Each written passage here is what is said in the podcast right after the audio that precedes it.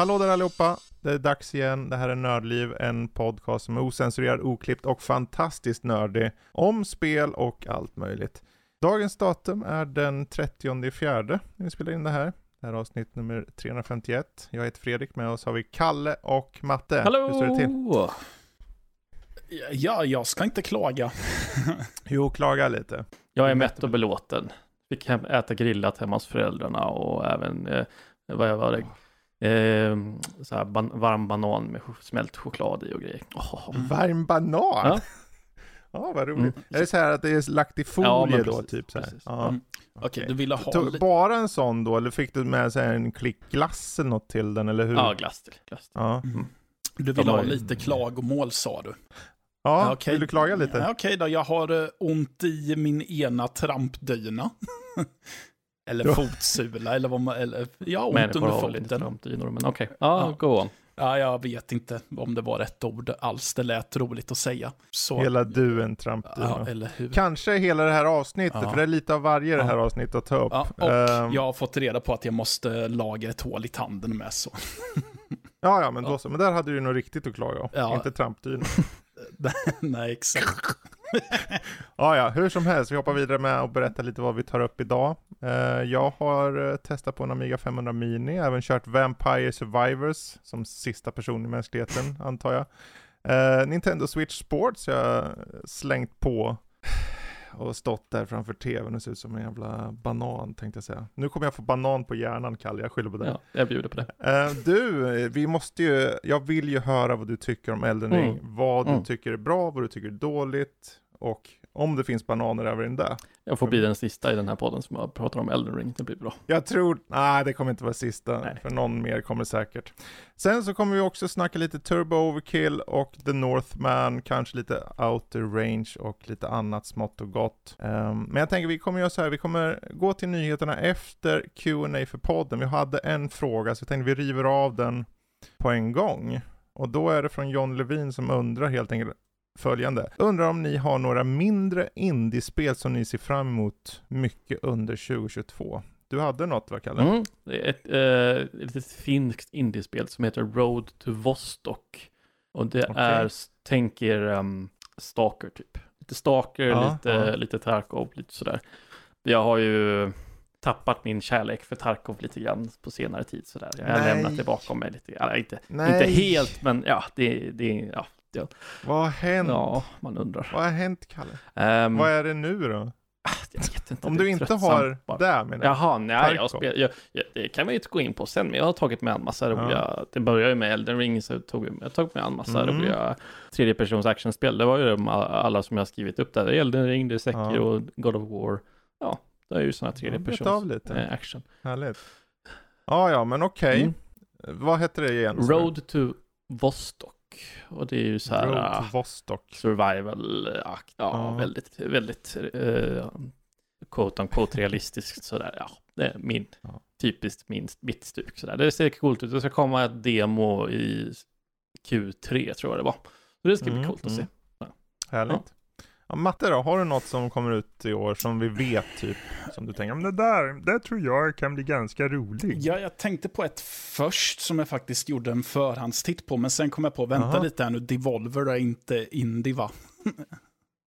Alltså om utvecklaren är indie Mm. Och sen släpps det via Devolver, ungefär som det spelet jag har. ja jag tror att de är är okej. indie, för jag gillade ju väldigt mycket ett spel som heter, eller potentiellt kommer jag gilla ett spel som heter Trek to Yomi. Eh, Ja, ah, just och det. det ja. släpps ju redan den, nu i maj, om jag har förstått Mm. det rätt. Eh, Jag tyckte att det visade på bra potential och jag vill spela hela spelet. Sen Mm. är det ett spel som, jag tog ett till, Ja. som jag tror är mer indie och det heter Silt eller något sånt. Silt? Eh, Eller, Ja, silt ja. Är Ja. det den här grå, svartvita grejen? Ja. Lite limbo-liknande? eh, eller? Exakt så. Mm. Eh, jag tycker att det ser lite härligt mystiskt och eh, suggestivt ut. Och eh, jag vill spela det mest för att ta reda på vad är det här för någonting? Är det en limbo rip-off? Är det unikt? Eller, ja, det är bara det, same same. eller är det ett fotbollsspel in disguise? Ja, precis. Ja, det vore något. Du startar upp det och kör en stund. Först är det så här jobbigt och eländigt Mm. och sen plötsligt sparka fotboll. Exakt. Ja. Okej, ja för min del så ett som jag ser fram emot, det enda som jag kom på på rak arm så här är ett som heter Songs of Conquest. Som är ett Heroes of Might and Magic-liknande liknande spel. Som är svenskutvecklat, släpps nu i Early Access 10 maj. Ser väldigt snyggt ut och har den där gamla vibbarna, men att de för in lite nytt och olika liksom eh, man bygger ett imperium och ja, Mm. lite sån här myspys så. Så det, det är väl egentligen där då, skulle jag känna på, på rak arm. Så där har du John lite svar på tal. eh, och är det så att ni andra som lyssnar har några frågor och är på Discord så finns det ju en, eh, en chatt som heter Q&A för podden. Det är bara att skriva en fråga eller en fundering eller vad som helst om det är någonting ni undrar. Så tar vi upp det förhoppningsvis i nästa avsnitt, annars så sparar vi det till avsnittet efter. Men bra, vi hoppar istället vidare till eh, veckans nyheter. Och eh, jag tänker vi har ju en del här så jag eh, river av några små först. Mm. Shoot. Eh, först har vi ju att, eh, eller små små, Epic då råkade ju avslöja datumet för Uncharted på PC. Eh, 22 juni. Sen får vi se om de förändrar det eller någonting after the fact nu när det har skett. Men, eh, vad fan, ja. Nu gick precis min jävla telefon igång. I didn't understand that son. Okej. Mm. Ja, du får tyst. sluta prata din dialekt. eh, Jag tror-. Ja. Fredrik, Ja, så jag kanske tror de det. förstår dig bättre. Ja, jag får prata mer, eh, ännu mer närkinsk. då fattar hon inte. Hur som helst, eh, i januari då så kom ju den här Uncharted Legacy of Thieves Collection till PS5. -man. Och att det var utlovat en eh, PS-version till inom situationstecken senare bara. Men så råkade ju Epic då släppa ett nyhetsinlägg som de tog tillbaka eller något sånt. Om att det stod, och då stod det ju 22 juni. De råkade att, eh, dra det- upp lite väl mycket på kjolen där. Mm. och Ja, ja, de visar trampdynan om du förstår vad jag menar. Ja, exakt. Fan. ja. Ja. vad ska man säga? Det är ju ingen överraskning så. Det är bara fler spel från Sony som kommer till PC. Mm. Vi har sett ett gäng spel nu och det kommer fortsätta att komma. Epic Games, kan ju- de, Game Store, de kan ju passa på och eh, avslöja att Bloodborne kommer också när de ändå är i farten tycker jag. Så vi vet det. Ja, jo, precis. Eh, och det är ju kul på ett sätt just för att eh, den här Nvidia-läckan då som kom för, vad var det, i Mm. november Just det. oktober. Just det. är bara e- ett spel ytterligare som bara bockas av som, ja, det är bekräftat. Ehm, sen finns det ju vissa av de där spelen där i den läckan som är lite mer så här, ja, jag vet inte om Mario-spel kanske kommer. Det var den här eh, kommande XCOM liknande, vad heter de? Mario Kingdom Battle ah, någonting just det som stod med att det skulle komma. Men vi får se. Hur som helst, den som väntar på Uncharted får vänta till 22 juni. Så förhoppningsvis kommer det då. Eh, VRR, eller Variable Refresh Rate, har nu kommit till PS5 i veckan. Eh, och det är ju äntligen dags kan jag tycka med tanke på att Xbox Series S och X har haft det sedan start. För oss som är Eh. tekniska noobs och eh, tillhör pöbeln, vad exakt innebär VRR? Vill du? Ja, absolut. Ja, men nu, man, man synkar ihop eh, uppdateringsfrekvensen på spelet och på, på skärmen man använder. Så du, du slipper allt vad gäller screen tearing och sånt där. Och, och andra nackdelar som man får med till exempel, eh, vad heter det? Jag tappar ordet. Det här eh, vertical sync, V-sync. Det kan, ju, Ja. det kan ju ge lite input-läge och sånt istället. Men du får. Mm. Det är tacksamt när man spelar högupplösta spel som inte riktigt hänger med eh, 100%.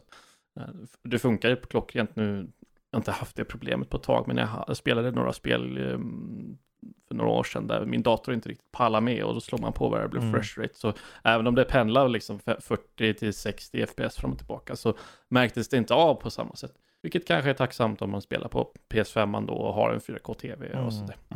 det sagt så är det ju lite specifika eh, krav som ställs för om du ska kunna använda den här tekniken och det är ganska få spel så ja. Precis. Ja, exakt. För du behöver ju ha en HDMI 2.1 port Mm. på din TV. Eh, och den ska ju då ha här, ja, den ska ju ha stöd för VRR också. Mm. Så det är ju de två grejerna framförallt då. Och sen så utöver det så är det ju inte så många spel på PS5 som har stöd än så länge. Man tycker att, eh, är det här alltså, du kanske kan det här bättre, men är det i spelen man måste aktivera stödet så att säga? Ja. För jag tänkte först, Eller ja, men alltså, om tvn och konsolen har stöd fört, för jag har ju aldrig tänkt riktigt på dator och så, det har Ja. ju funkat mest. Eh, På, på datorn så är, ska jag ha det på mina skärmar som stöder det till exempel. Då heter det inte VRR, det heter ju något annat. Eh, Adaptive Sync heter det. Eh, då måste Ja. du ställa in det på skärmen så ak- aktiveras det på så sätt. Så jag misstänker väl att det är samma tum. För jag tänker, för Ja. jag, jag ställer ju in på skärmen här Mm. bara, ja nu har jag G-sync, Mm. eller vad, Ja. vilken nu Ja, jag har. Och sen har ju bara allt funkat. Men jag tänker för om man då ställer in det på, på, på konsolen, Mm. Borde inte han bara automatiskt aktivera det då? När, när som helst? Jag, misstänker, jag skulle då- gissa på att det är en inställning Ja. i tvn som du måste aktivera faktiskt. Ja, ja, och jag vet ju att det går att ställa in, jag har ju sett i PS5 att man aktiverar Mm. då VRR. Och sen så då tvn, så länge den har det stödet, för har, de ny, har du en nyare tv, så, så i alla fall om, jag utgår bara från den vi har, och då känner den automatiskt av, okej Okej. den här använder VRR, okej då går det igång. Mm. Typ så. Men eh, de hade ett tiotal spel bara som än så länge har fått stöd. Allt från Astros Playroom till uh, Dirt 5, Deathloop och uh, Resident Evil Village för att nämna några. Ehm, men det är ju bara att vänta och se. Det, så ni, det är så många saker som behöver ha, finnas på plats för att ni ska kunna utnyttja det här. Och en sak är säker, oavsett, ni behöver inte tänka för mycket på det här, utan om ni känner att den, den ni spelar just nu, att det känns bra, så behöver ni inte hålla på och leta efter någon inställning. Så länge det funkar och känns bra. För jag tror problemet snarare är om man letar efter felet och sen upptäcker att man ser det. Mhm. Du vet, som när man väl har kommit på och s- sett ett problem, då kommer det sitta i huvudet Japp. på en liksom. Mm. Ja. Så om, tänk inte på det, spela bara, njut. Och är det så att ni mot förmodan skaffar en fet TV längre fram, då kommer det förmodligen vara stöd fullt ut för den och sen kommer ni bara aktivera det här. Det är automatiskt på PS5 för övrigt, så den är automatiskt på. Bra, men eh, vi hoppar vidare. Eh, Sony släpper DualSense-mjukvara för PC, apropå just Sony då. Det, ja, Mm. Det är spännande. Ja. Det, det här missade jag för jag köpte en ny eh, kontroll till datorn här för typ en månad sedan eller någonting. mm. På grund av att stackar, min Elden Ring tog koll på min stackars gamla Xbox 360-kontroll. ja. ja, Ehm, och så var, jag var inne på om jag skulle köpa en PS5-kontroll, men då, just det, där och då så kände jag att ah, det lät lite krångligt att få det att funka, bla bla bla. Här, Mm. Xbox-kontroller är äckligare, det finns liksom. Ja, det var ja. inte direkt, det är bara plug and play, köra hårt. Liksom. Eh, Ja. Men så Ja. nu det här, så att, och PS5-kontrollen är ju jättefin, så att jag menar det. Mm. Absolut. Eh, nu har jag fall, jag menar Sony har släppt nu eller lanserat en dedikerad mjukvara för just DualSense-kontrollen på PC. Uh, mjukvaran just, har just nu tyvärr endast en funktion att uppdatera handkontrollens drivrutiner. Andra potentiella funktioner som man kan ändra vad varje knapp gör för något eller dylikt är inte tillgängligt än. Eh, jag vet inte om de har, står det något i den här artikeln om den har stöd för den här, eh, vad heter den här, när det är det DualSense i sig som det också kanske kallas? Du vet när man känner av varje minsta grej i Mm. handkontrollen och så. Eh, Det är ju inte force feedback, men det är deras den här specialgrejen. Mm. Det står ingenting om det. För där är jag nyfiken på, funkar det på PC? Det vore intressant. Mm. Eh, oavsett, det är, en, det är en väldigt skön kontroll. Eh, den är inte riktigt i Xbox-nivå, men den är ju, alltså Play, Playstation har gått bara blivit bättre och bättre i handkontroller. Och jag tror det här, eh, för förra på PS4 var riktigt bra. Ja, Innan PS4 så var det, alltså jag, det var ju lite som tortyr kände jag personligen. Ja, så här, Ja. det, I vissa länder så, an, gav man folk en sån här handkontroll på en tidigare Playstation och sen så berättar de allt du vill veta liksom. Mm. Under tortyr. här. Spela Gran Turismo med den här gamla Playstation 3-kontrollen. Vad som helst men inte din, ja vad nu de hette. Mm. Men eh, ja, finns det något mer att säga här? Nej, det är väl bara roligt. Det är ett, ett annat steg i ledet av att Sony närmar sig PC-plattform. det är väl det. Ja, Det är coolt. precis, Mm. precis. Eh, apropå Sony, vi kan ju klämma av den här också då, för det är nämligen så att det har rapporterats att de har en så kallad preservation team nu. Mm. Ehm, och eh, ska bevara helt enkelt, eh, i det här fallet handlar det om PS3-emulering. Det här är rykten som man får ta det med en skottkärra salt. Jo. Men eh, PS3-emulering på PS5 är det som är ryktet.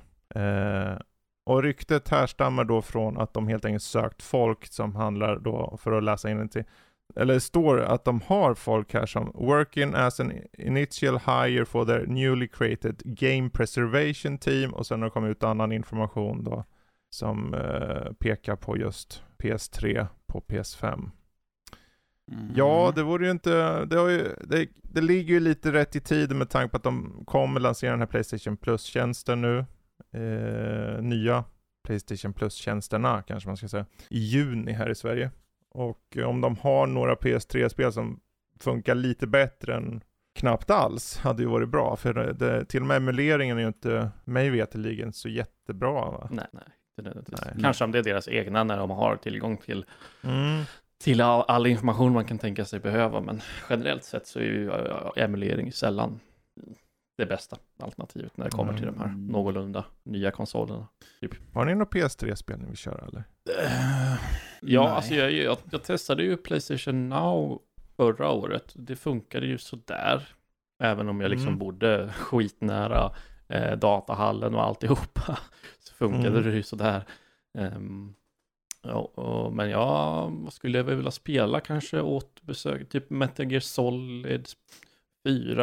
Jag spelade ju Inf- Infamous då. Och de är ju Mm. bra spel. Det finns ju, nu, nu, nu, nu är det blankt i huvudet bara för det, men det finns ju mycket bra spel som helst på Ja. Playstation 3. Alltså personligen tror jag nog att jag hann att avverka de spelen jag eh, var intresserad av innan jag gick vidare till Mm. Playstation 4. Mm. Tänkte Uncharted, men nu kommer det som eget nytt. Så att det, jag menar det. Ja, det kommer ju till PS4 så någon sån här multi storpacke och exakt. allting. ja. Mm. Mm. Men eh, för min del, jag kommer ihåg, jag lånade ju ett tag där av Max en eh, PS3. Och då körde, det var bara för att köra Nino Kuni. Okej. Mm. Eh, och körde det ett tag. Och det var ju mysigt. Och sen så kom det något annat spel som ibland, och sen lämnade jag tillbaka PS3. Men det kanske man skulle kunna plocka upp igen. För jag vet inte om Nino, första Nino Kuni, om det finns på PS4. Jag har faktiskt ingen koll riktigt. Det får, nu skriker väl folk, ja men det är klart det finns. Jag har ingen aning, men det skulle vara det för min egen del. Men det är väl, eh, det är väl kul att de eh, ser ut som att de siktar på att försöka få det här in-house, så att säga, att de försöker själva fixa med, eh, med det. Mm. Så att inte de köper in någon tredje så här eh, som, vilka är det som har? Som Nintendo som har liksom någon, gamla, någon gammal emuleringsprogramvara som man bara, jaha, det här funkar ju inte särskilt bra ibland. Nej. Och då är det de själva som har slä, ja. slängt in romsen och skit. Ja, så kan det vara. Sen har vi, ja vi är väl ändå inne på Sony så kör vi vind. Eh, sista jag lovar. Eh, rykte. Sony Sony-liv. tvingar utvecklare att göra demos av alla fullpristitlar. Och även här så går det väl lite hand i hand med den här kommande Playstation Plus-nivåerna då. För um, eh, tjänsten då, de, de, den har ju idag, eller den kommer ha eh, demos då på den här premiumnivån tror jag.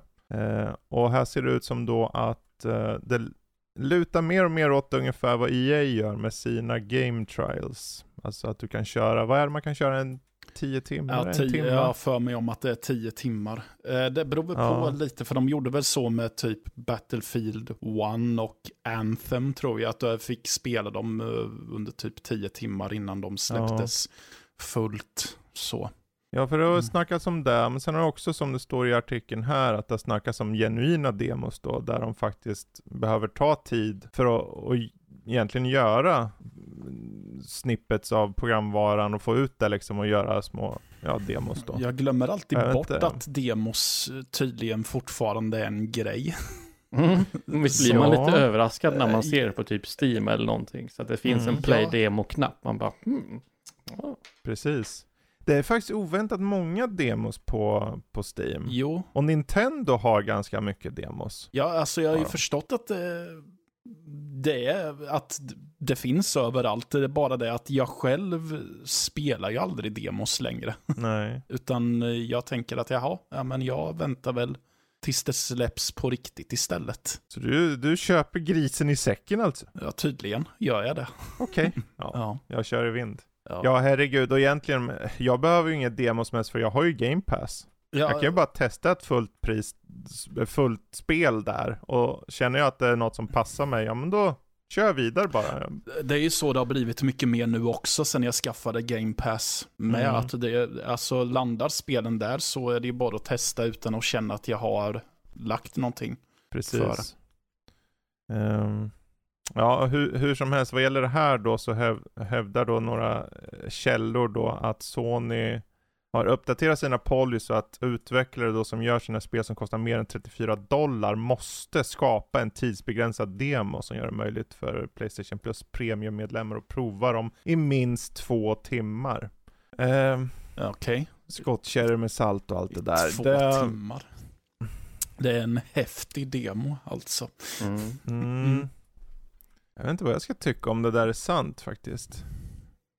Tvingar utvecklare, jag menar sen, några utvecklare som har kanske så här, ja men eh, vi släppte ju spelet X eh, på, ta, ta ett Cyberpunk till exempel då. Det, sä, säg att det slä, kommer ut på den här tjänsten som är en av de högsta nivåerna. Ja, Ska de då, ska CD Projekt Red då, de har ju haft problem nog så att säga. jo. Ska de då göra demo på det bara för att det kostar mer än 34 dollar? Det, det jag tänkte precis nu också, att ska, ja men, sk- ska de här stackars utvecklarna som har spel som är, har några år på nacken behöva göra en demo i alla fall? Ja, jag vet. Ja. Mm. Nej, jag vet inte. Det känns som en så konstig grej att tvinga f- Ja. folk att göra, om det är sant. Mm. Vad tror du då, Kalle? Jag vet inte, det låter lite orimligt. Jag vet inte, det, på å ena sidan så tänker jag så här, på det tekniska planet, hur liksom är det här möjligt ett rent tekniskt Mm. plan att utveck- tvinga utvecklare och fixa allt det här, liksom plocka fram ett demo och släppa det. Och liksom ska man behöva tvinga dem att gå igenom alla, hela den processen och så vidare. Men andra Mm. sidan så tänker jag på det lite mer konsumentvänliga planet, alltså om man, om, det är ju jättebra egentligen. Och varför ska man ställa sig på liksom stora spelutvecklares eller, eller utgivares sida liksom? De är inte Mm. min vän eller någonting, det är skit i dem egentligen. Eh, om man rent krasst sådär. Ja, jag tror kruxet här för mig är nog bara att det är inte att, att inom situationstecken tvinga dem så. De, deras jobb är att sälja in spelet. Mm. Jag, tycker, jag tycker det egentligen skulle ligga i deras favör att göra demos. Ja. Men att de lägger det här på den högsta nivån vad det verkar som. Ja, det. Eh, Så att då måste du ju ändå betala x antal kronor i månaden Mm. för att nå få demos som du kan köra i två timmar som kanske är så här. För hur mycket effort kommer de kunna göra på ett spel som precis har släppts? Måste de arbeta simultant? Tappar de, eh, hur tekniskt liksom, kan det vara buggigt och jävligt? Hur, hur, blir, hur blir min reaktion eller mitt första intryck då av spelet X? Ja, eller om det är så enkelt som att du får ladda ner hela spelet och sen får du spela det i två timmar och sen säger konsolen stopp. Precis. Liksom. Det kan ju vara så enkelt. Ja, Ja, Eh, för det var ju sådana time trials liknande som EA har haft. Mm. Att det liksom tar slut efter. Och här är det liksom minst två timmar står det ju. Men eh, ja, vi får, det är bara att vänta och se. Eh, Den här eh, tjänsten i sin helhet släpps ju nu i mitten på sommaren ungefär. Så jag ska väl kanske testa det då, får vi se. Om de har lyckats komma ut med något demos, det återstår att se. Vad som däremot kanske snappas upp, det är ju Ubisoft. I alla fall så är det då eh, en rapport från Bloomberg som säger att det finns sådana här riskkapitalföretag som håller på och kollar Ubisoft, åt Ubisofts håll som, som ett potentiellt uppköp. Och det här är ju efter, de har ju haft en del problem internt med det har varit spel som har försenats och det har varit, låt oss säga, saker och ting internt som inte riktigt är bra sett till, du vet, metoo och allt sånt här och folk har betett sig illa och, och så. Eh, jag har ju faktiskt, det har jag inte ens hunnit testa än, jag har ju precis fått nu i helgen tillgång till Skull and Bones på en sån här under NDA är det, så jag kan inte säga vad jag tycker eller någonting, men det behöver jag inte för jag har inte kommit åt den. Så det kanske säger Okej. någonting Mm. utan att säga för mycket. Eh, men det är just det att de har spel på gång, men de har inte de har inte haft en riktigt stor framgång. De hade ju Valhalla där 2020 va? Mm. Och det var ett tag sedan nu. Mm. Så att, eh, jag vet inte, om de blir uppköpta. I, I vanliga fall så är det liksom, man blir uppköpt av Microsoft, Sony eller what have you, någon av de här stora. Men om de blir uppköpta av ett riskkapitalföretag, då blir jag lite så här: okej, okay, jag har ju bara sett på film och sånt och då köper sådana in liksom och så styckar de upp det och säljer dem i delar bara för att tjäna pengar. Mm. Jag vet inte hur mycket de går in i en producentroll sådana företag. Ja, så det beror väl på hur mycket de bryr sig eller kan om uh, businessen som Ubisoft pysslar Mm. med. Men uh, det, ja, min fördom säger att de inte är så insatta alls. Nej, det handlar om att det ska bli mer eh, profitable helt Ja. enkelt. Mm. Eh, Och... ja, det, Nej, alltså jag vet inte. Jag är, blir lite så här, okej, vad skulle det innebära om de blir uppköpta av ett eh, sånt här företag? Är det som du säger att de hackar upp det och säljer ut det? Eller är det mer att, eh, nej, nu har, ni, nu har ni gjort dåliga saker så nu lägger vi ner er istället. mm. Mm. Ja, alltså först och främst är väl tanken att de ska få in kapital för att de ska liksom eh, kunna fortsätta bara. För även om, ja det finns sådana här liksom riskkapitalföretag som kanske köper in och styckar upp och sånt. Men eh, initialt så är ju idén för dem att tjäna pengar. Så om de köper in Ubisoft och Ubisoft går bra, då gynnar det dem och då kommer de förhoppningsvis, eller förmodligen inte stycka upp liksom och sälja av någonting. Eh, samtidigt som Ubisoft då får kapital då, i och med att de blir uppköpta. Och kanske också mer trygghet för, potentiellt för att de har uppbackning. Ja, blir det kanske mer fokus på deras eh, kassakor istället? Ja, jo, jo men så blir det ju. Ja. Och sen kanske ännu mer mikrotransaktioner, ännu mer XP boosts eller vad tusan de hade i sin Valhalla och alla de här Assassin's. Creed-spelen. Ja, Ehm, jag vet inte, jag tror inte det är bra. Jag personligen känner att det är nog inte bra om de blir uppköpta av ett sånt företag. Då är det bättre att de blir uppköpta av, för det har ju ryktats om Microsoft till exempel. mm. Sen är det ju så här, okej om Microsoft köper ännu fler efter Bethesda och, och Activision Blizzard nu till sommaren. Och vem vet, det här ryktet kanske, eller den här rapporten kanske gör att Microsoft blir snabbare på fingrarna då. Kanske. Kanske står där med plånboken redo att Ja, exakt. ta fram trampdynan höll jag på att säga. Ehm, ja, hur som helst, vi hoppar vidare. Ehm, vi har också då, apropå idioti då. Square Enix slår fast att de vill satsa på blockchain-baserade spel. Ja. Kalle, Oj, oj, vad är det här? Vad är det här? Vad håller de på med? Va- varför säger de så? Vet inte. Ja, alltså ja. De ser väl, de, det är väl sådana gigantiska cartooner i dollartecken i ögonen liksom. Jag vet inte vad, vad poängen ska vara. Nej, ja, det är ju det. De, de har ju fått hård kritik från fans då efter att Mm. vdn gick ut och förklarade att de var väldigt intresserade av det här med NFTs och play to earn strukturer och blockchain baserade spel då. Eh, communityt är ju inte glad, inte glada alls. Eh, såklart. Vem är det? Men det är, går det dåligt för Square? Ja, alltså det är bara att kolla de spel de har släppt på sistone. Det har ju inte varit några riktiga superspel här och var direkt. Jag det senaste jag kommer ihåg var Final. Fantasy 7 Remake kanske. Eh, De släppte ju den här fantastiska Stranger of Paradise Final Fantasy Origin som jag tror jag har kört lite grann. Ja. Det är lite av en lite av en sörja. Den har lite rolig gameplay, det kan jag ge den. Men som berättelse, han går runt och skriker chaos hela tiden och har noll personlighet. Ja, det var väl ungefär det Danny sa också, typ. Ja. Mm. Eh, och de, jag vet inte, det måste ju vara någonting med att de inte riktigt tjänar pengar ordentligt eller något. Eller att de, eller att de bara satt upp en prognos. Du vet hur det är med, aktie, med aktieägarna. Men nästa år måste bli bättre och Mm. nästa år efter det måste bli ännu bättre och så. Mm. Hur gör man då? då? Det är de själva som har drabbats av lite så här NFT-FOMO, fear of missing out. De, de vill hoppa på det tåget själva. Så de har själva blivit, det här blir lite meta nu, eh, de har själva Ja. blivit lurade av den här NFT-FOMon. Och så, så hoppar de på det tåget själva och skapar sin, för att Mm. ja, de ska tjäna sina pengar. Ja, alltså, de, de har ju fått jättemycket kritik och han försöker visa att ja, jo, men jag har tagit, jag, jag förstår att folk är kritiska mot det här, men jag tror att det är framtiden eller något sånt där.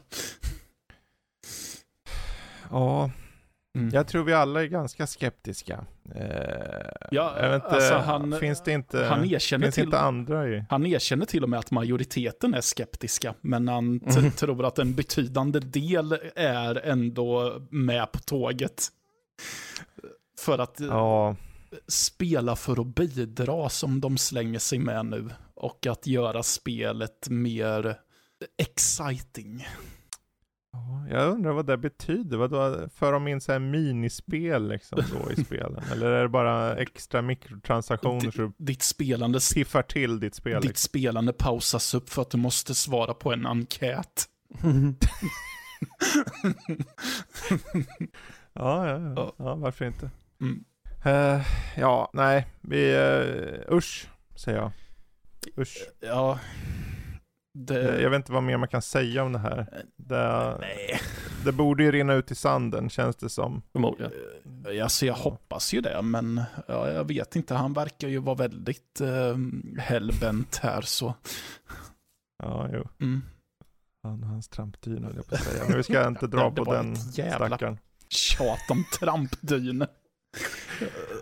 Fan, Hur som helst, sen eh, om något också som kanske kan vara tråkigt eh, beroende på om man delat ut eh, till många andra vänner sitt Netflix-konto. Eh, Netflix går nämligen vidare med att förbjuda delning av konton. Eh, och det här är ju efter det, den här årsrapporten som framgick där de egentligen tappat prenumer prenumeranter och de tappar ju aktievärde utav helskotta på grund av det. Eh, mycket pengar. Och eh, de behöver tjäna in pengarna som det verkar, enligt dem själva i alla fall. Och jag vet inte, vad tycker ni om det här? De kommer skjuta sig själva i foten.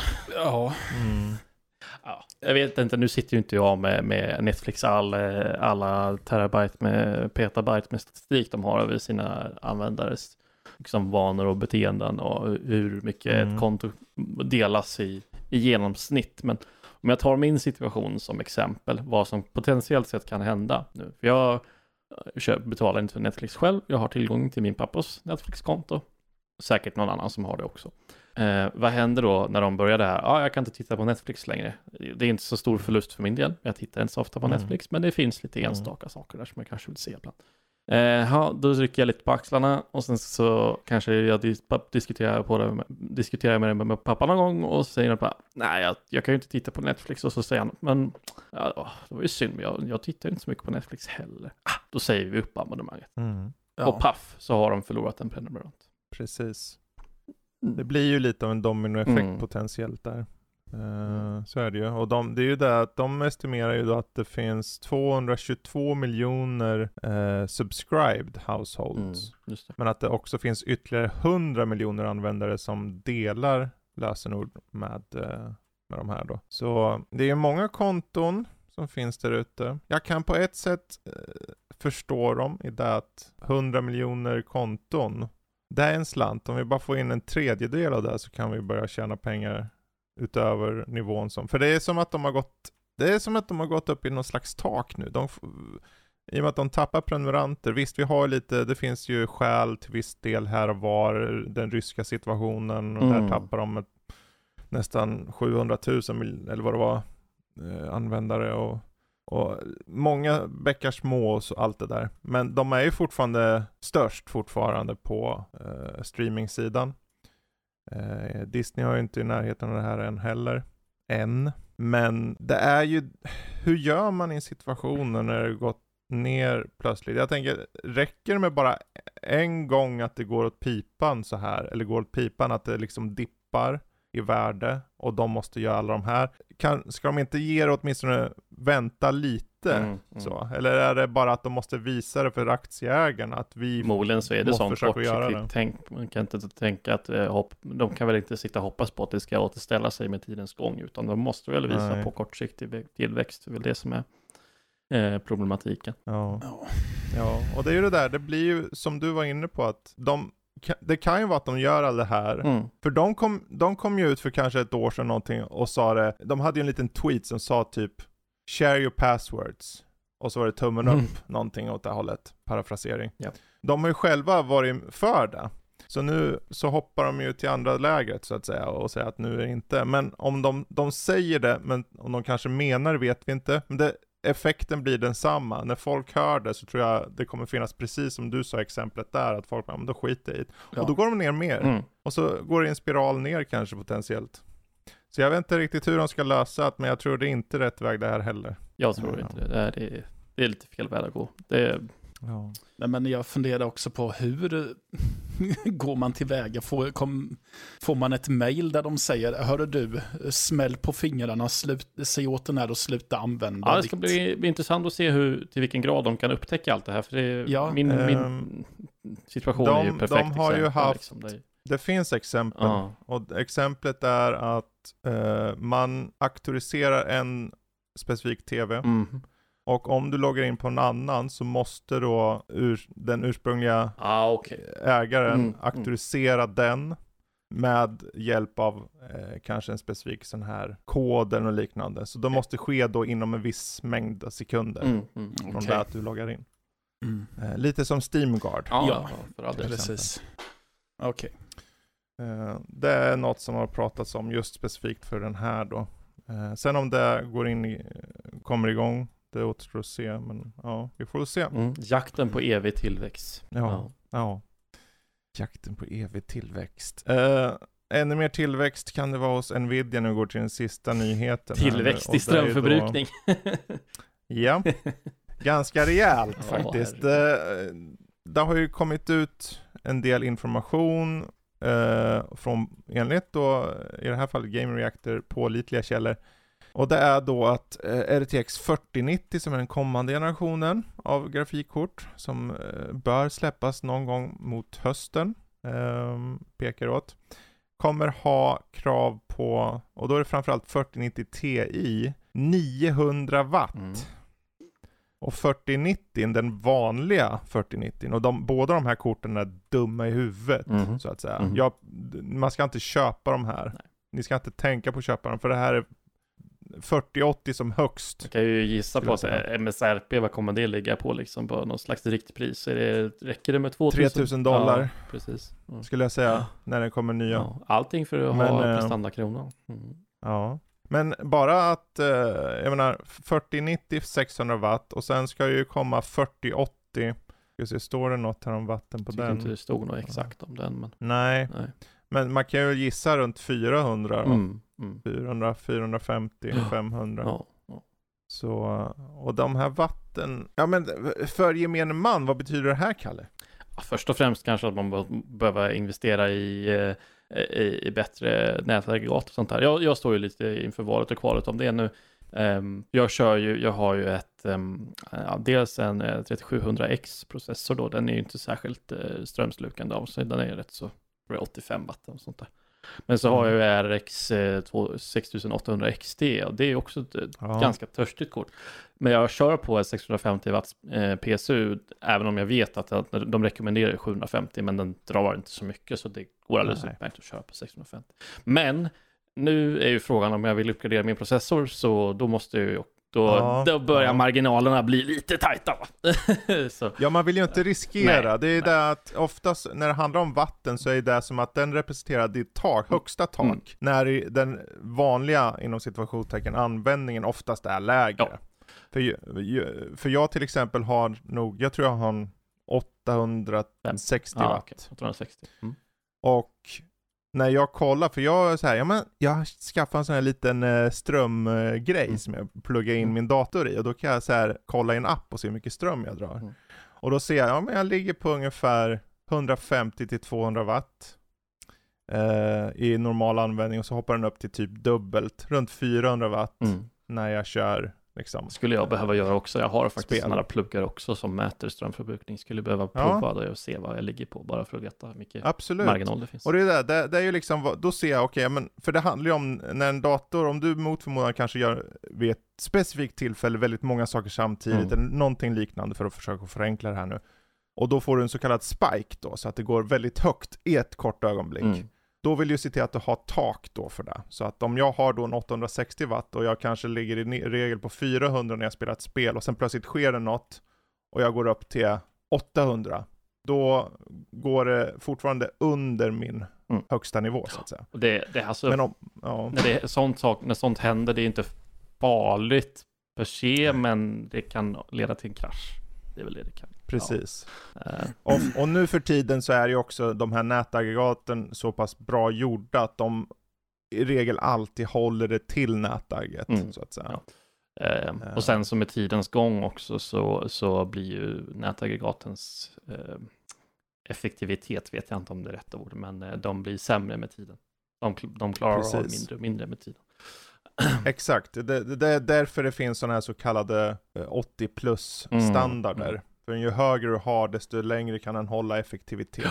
Ja, men om vi Men- cirkulerar tillbaka till det här, jag tycker att Ja. det börjar spåra ur lite grann med, med eh, strömförbrukning i datakomponenter. Man ser ju samma sak med senaste generationen av Mm. Intels processorer, 1200-serien är ju så. Precis. Den är jättesnabb och den klår AMD i många, på många punkter, Mm. liksom många arbetslaster och sånt där. Men den drar dubbelt så mycket ström. Och ska du liksom para ihop senaste 1200-serien med senaste 4000-serien från Nvidia senare i höst, Mm. ja, då, då pratar vi om liksom en dator som potentiellt sett ska dra liksom, ah, ja, vad fan ska man dra till med? Minst 1000 watt i belastning. Ja. Alltså, och man, då kan man ju börja diskutera om sådana saker. Ja, det är ju, eh, elpriserna har ju varit vad de har varit i Sverige Mm. eh, här under vintern. Ehm, det är väl en, en, finns en miljösynpunkt också. Hur mycket Precis, ström ska vi sitta och precis. dra hela dagarna liksom? Ehm, så jag tycker det börjar spåra lite där. Det märks att man, vi har nått en punkt där det liksom, det man gör nu är att man försöker bara kräva in så mycket ström som möjligt i en krets och bara, liksom, Mm. det är det vi kan göra. Det är, finns inte så mycket att hämta från liksom, göra mindre transistorer eller effektivare arkitekturer eller. Precis. Det tar lite stopp där. Så att jag undrar någonstans om vi kommer liksom nå en nivå där prestanda, både liksom vad gäller processorer och grafikkort, om de får liksom vara good enough. Och sen Mm. så tar det stopp där. Innan Ja. man uppfinner hela nästa generation, nästa framtidens computing, om det nu är, ja, vad det nu må vara. Ja, så det, Ja, det är ju, det är ju en eh, intressant framtid Mm. framför oss här. För de här korten, någonstans, entusiasterna skaffar ju det, men de sitter, de rikt, inom situationstecken, de riktigt feta Mm. entusiasterna som sitter med PC-riggar med typ 1500 watts nätagg Mm. och sånt. De skiter ju i det. De vill ju bara smaska upp det.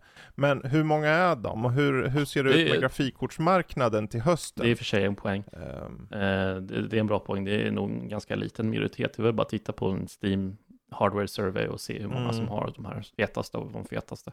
Man vet ju att mellansegmentet har ju alltid varit det som är mest populärt. Så är det ju. ja. Så förhoppningsvis så kommer det fortsätta finnas liksom rimligare alternativ kvar.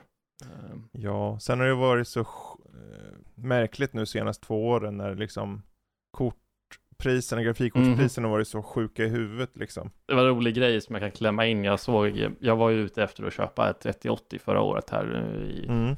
Februari förra året måste det ha varit. Eh, men Ja. sen så från ingenstans då så fick ju Inet fick ju en leverans av 50 stycken, eh, tror plus minus 50 stycken sådana här RX 6800 XT. Och då såg jag att de fanns i lager, det tickade ner lite hela tiden och så bara ska jag köpa en sån istället så får jag göra det nu. Ja, Ja. ja det kostade 10 000, lika mycket som en 3080 då som jag tittar på.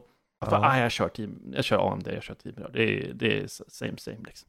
Ja. Ja, nu, nu när lagersaldorna börjar liksom lugna ner sig lite, det finns samma 3080 som jag tittade på förra året, som Ja. kostar 10 papp, ligger ute och finns i lager och finns att köpa för 15 och ett halvt eller något sånt där.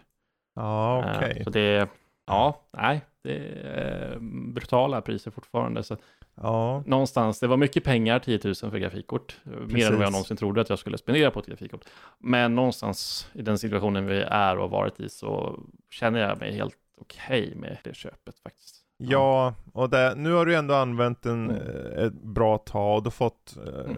ut de pengarna liksom Ja. säkert. Och, och jag tänker, som tack och lov vad gäller grafikkort Mm. så ser jag, för det, är kul att du nämner 12, eh, 3080 för jag har sett dem ner på 11. Okej, det är bara... i vissa fall. Mm. Så det, det går sakta men säkert neråt. nu, särskilt senaste månaden. Mm. Jag tror vi pratade om det kanske i förra podden eller någonting, men att priserna, som det ser ut nu så väntar vi en, eh, en krasch Mm.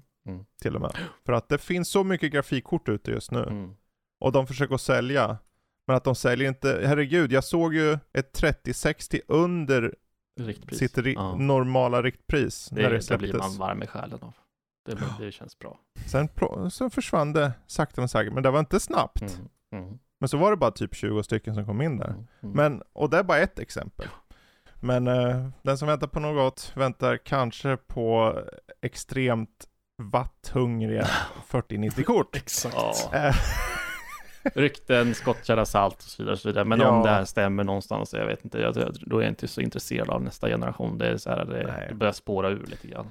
Eh, ja, och jag vet inte, jag är intresserad av nästa generation. Jag har avvaktat, Mm. men jag är ju inte intresserad. Jag vet inte, eh, för mig, som alla, man vill ha en tydlig skjuts uppåt. Ja, det. Om det är bara 40-70 då, Mm. exempelvis, då räcker det för mig. Ja. Och, Mm. och så exempelvis. Ah, 40-70. Eller så är det 40-60 till och med, kanske är jättebra. X70, alltså den Mm, har ju alltid varit precis. sweet spot i alla generationer, mer eller mindre. Så Exakt. att, ehm, ja. Det enda jag hoppas är att priserna blir bättre Ja, och att de, absolut. för det, det enda kruxet nu att när de släpper ny generation sen, förlåt att vi håller oss kvar på det här, Mm. men då är det liksom, då, då sätter de nya riktpris och håller de kvar det här nu på samma nivå som det var sist, då hoppas jag att det inte säljer, men jag vet ju att det kommer sälja för det är nytt och early adapters Mm. vill ha det. Men jag hoppas inte folk köper det på samma nivå då. Om det mot är så högt. Är det däremot på normal, inom situationstecken normal nivå pengamässigt. För en, 40, en 70-serie för mig hade jag tänkt att den ska ligga runt 5, Mm, just det. 5, 6 Ja, kanske. ja. Och en 80-serie ska ligga runt 8 Ja. ungefär. Så de här priserna är bananas. Men vi får se när Intel släpper sina grafikkort och AMD vad de kommer med så får vi se om det blir lite, lite Ja, konkurrens. Intel ska släppa grafik, det är lite spännande faktiskt. Se Yes. vad de kan och erbjuda. Tre, en ny tillverkare för första gången på över 20 år Mm. på marknaden. Det är Wow, lite, wow, wow. lite spännande. Eh, vad som också är spännande är ju faktiskt att gå vidare från de här jävla så vi kommer till mål. mål eh, dels vad vi själva spelar, men innan det tänkte vi kolla lite på månadens spelsläpp. Mm. Eh, maj har inte så många spel. I fjol, vad gäller maj, då hade vi relativt många spel för mig. Men om vi ska plocka några russin ur den här kakan som heter maj, så är ju ett spel faktiskt som Matte var inne på, Trek to Yomi, Ja, släpps den 5 maj. precis. En svartvitt eh, samurajäventyr med lite övernaturliga inslag. Verkar det som. Nej, ja, det kanske kommer övernaturligt framöver. Men Det, det var Det inte... såg ju bara ut så i trailern. Ja. Det är det enda jag utgår från just Ja, nu. jo, men för folk, Eh. folk som gillar Kurosawa till exempel så. Mm. Mm. Precis. Eh, släpps rakt ut på Game Pass också om man har det. Och sen så har vi ju samma som jag snackade om, Songs on Conquest, den här He- Heroes of Might and Magic eh, liknande spelet som släpps nu den tionde. Eh, dock i Early Access. Dock i Early Access. Eh, jag vet ju att eh, Kalle väntar ju på Dolmen. Dolmen som publiceras av Koch Media. ja. Dolmen, Vad är det ens för någonting? det är ju en sci-fi shooter. Är det ju. Okej. Det är en sån här cosmic horror faktiskt. Uh, shooter in space liksom. Okej. Um, jag har för mig det var typ tredje person eller något. Eller kanske var första person. Men oavsett, det har ett lustigt namn för vissa. Vi har en låg humor här. Mm. Men det, eh, det, det ser ut att vara, det är ju Prime Matter som ligger under Koch Media, om inte jag minns helt fel. Och det ser relativt välproducerat ut. Jag får lite sån här Dead Space-vibbar, och det är action RPG. Mm. Kanske kan vara lite nice att få Dolmen att spela på. Ja. Vad vet jag? Mm. Det, så där, och där, Dolmen släpps 20 maj. Ja.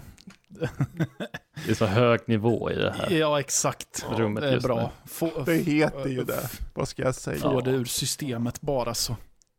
Får du ur systemet. Ja. Eh, Evil Dead The Game, 13 maj. Det är ju en sån här asymmetrisk uh, Ja, multiplayer-spel. det är ju det.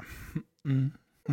ja. Och det är ju, ja, gillar man sånt så kan det vara intressant. Spela som Ash, springa runt, såga upp folk. Varför inte? Jo. Och massor med andra karaktärer från Evil Dead-universumet. Mm. Ehm, och sen då, om man mot förmodan gillar att se på i slow motion när man ser inälven och flyga ut ur någon nazist, så finns Sniper Elite 5 eh, att släppas den 26 maj. Ehm, ja, Sniper Ja. Elite 5. Ja. Jag, jag tror, jag personligen har tittat på det här lite, för jag vet, rent spelmekaniskt, ja, nej, det, det är inga nyheter här, men man vet ju, de vet vad de gör. Jo, de Ja. vet att eh, många tycker om övervåld och grejer. Ja, Ja. Men jag kommer ju vänta tills, jag kommer ju vänta till nästa Zombie Army istället. Så. För alla vet ju att det är ju det man egentligen vill ha. okej. Ja, Ja, det- Zombie Army är bra grejer. ja, ja men jag tycker att det är kul. Framförallt om man har Mm. en eh, kompis att spela med, eller Mm. två. Så är det väldigt kul. Ehm, Ja, för Zombie Army är ju en spin-off på Sniper. Ja, det var just därför jag pratade om det. Ja. Eh, Så. Eh, Sniper Elite är jag inte så bekant med. Jag försökte spela, jag tror att det var Sniper Elite 4 med två stycken till, men Mm. jag fastnade inte riktigt för det. Alls Nej, inte jag på heller. samma sätt. Jag, sni- jag, jag snipade höll jag på att säga. Jag fastnade skulle jag säga. Jag fastnade lite för det här Sniper Ghost Warrior Contracts 2. Ja, men det var ju lite... Ehm. Alltså just skjutandet var ju underhållande där. Ja. Mest för att se att eh, oj vad det här huvudet kunde sprängas i många delar Precis. och så. Och då är det ju ännu mer mobilt i det här spelet, där du faktiskt ser innan mäter på huvudet. Jo. Liksom. Du ser ju som en sån här, vad heter det, en CAT-scan, en röntgen nästan. Ja, det blir väl som i vilken ljudlåfilm det nu är då det blir som en röntgenbild att ja, titta nu Mm. bryter han det här benet på den karaktären. Ja. Ungefär. Eh, Ungefär. Ja, hur, Romeo, oavsett. Romeo Must Die tror jag att det är. Romy Must Die. Ja. Eh, och Sniper Elite 5 Doesn't Have To Die. 26 maj kommer det. Och Ja. jag vet inte, finns det några guldkorn utöver det? Kanske Vampire the Masquerade Swan Song som släpps den eh, 19 maj. Ja. Det beror på om man gillar den här typen av äventyr, möte, PK-klick-äventyr. Eh, Ja, med tanke på att Eh. uh, storspelet verkar vara en svanesång utan att den ser dagens ljus. Mm. Så kanske det är passande. Nej, men det var väl det här som var lite, så lite Telltale Ja, precis. eh, aktigt ut. Mm, Telltale möter Quantic Dream. Ja, men lite så. Det, ja, jo, det så intressant ut. Nyfiken på att testa i alla fall. Jag Ja. måste ju nästan maniskt testa alla sådana här äventyrsaktiga spel för att det verkar vara ett beroende jag har. Så Det är ditt kall. det är mitt livet. kall här i livet. Det och trampdynor. Ja, exakt. Eh, bra, Mm. vi tar och rundar av på månadens spelsläpp där. Där har ni några av de här eh, potentiella fin eh, pärlorna till spel då. Mhm. Eller finspelen, eller vad man nu vill kalla det. Ja. Så går vi vidare till vad vi själva har spelat. Eh, och där har skrivits in både det ena och andra här. Och jag tänker, jag lägger ut ordet till er. Är det någonting av alla de här spelen eller det som ni ser varandra när jag har spelat, som ni säger, men det där, vill jag, det där vill jag höra om först, eller det här vill jag prata om först. Har ni något? Vad, vad tycker ni? Är det något ni vill höra om först? Matte, kom igen nu. Va? Va? Ska du ta Turbo Overkill eller? Eh, ja, jag kan väl göra det. ja. Eh, Årets spel? Ja eller nej? Uh, Nej, det är ju ett eh, early access-spel tydligen, så det Ja. kommer ju inte vara um, Goti-kompatibelt. nej, om nej, jag förstår okej rätt. Så nej, eh, den frågan var ganska lätt att besvara. Ja. Eh, ja, eh, retro FPS har ju varit en grej ett tag nu. Och det här spelet från Trigger Happy någonting, de, ja, något sånt heter den här utvecklaren. De Mm. tycker väl att eh, vad, vad många andra spel har saknats är ju just eh, turbo som eh, är Mm. i namnet. Så jävlar vad fort det går när man springer var min första tanke i det här spelet. Det går så fort så att jag typ känner att det här kan jag typ inte hantera överhuvudtaget. Uh, kollade om det gick att sänka hastigheten på något sätt, men nej. Alltså visst, du kan ju justera hur känslig musen och ska vara och så, men mm. nej, du, du ska springa skitfort. Lyckligtvis efter ett, en stund så kommer man in i det och det känns inte lika speedat. Till viss del, alltså det är ju en det här gör att det är en viss sladdrighet i hanterandet av karaktären som jag mm. inte tycker är trevlig överhuvudtaget. Men man spelar som någon slags android-snubbe som ska städa upp i stan. Uh, och det är något virus som sprids och som skickar dummingar ut som skjuter och slåss. Och du ska skjuta dem helt enkelt. Ja. Så är det. Och eh, ja, man har vapen med lite spexiga uppgraderingar som du kan göra. Du kan få kulsprutan och skjuta eld. Du kan, din avsågade hagelbrakare kan spotta bomber istället. Och ja, du kan ja. skjutsa iväg missiler med mm, armen vid ett tillfälle.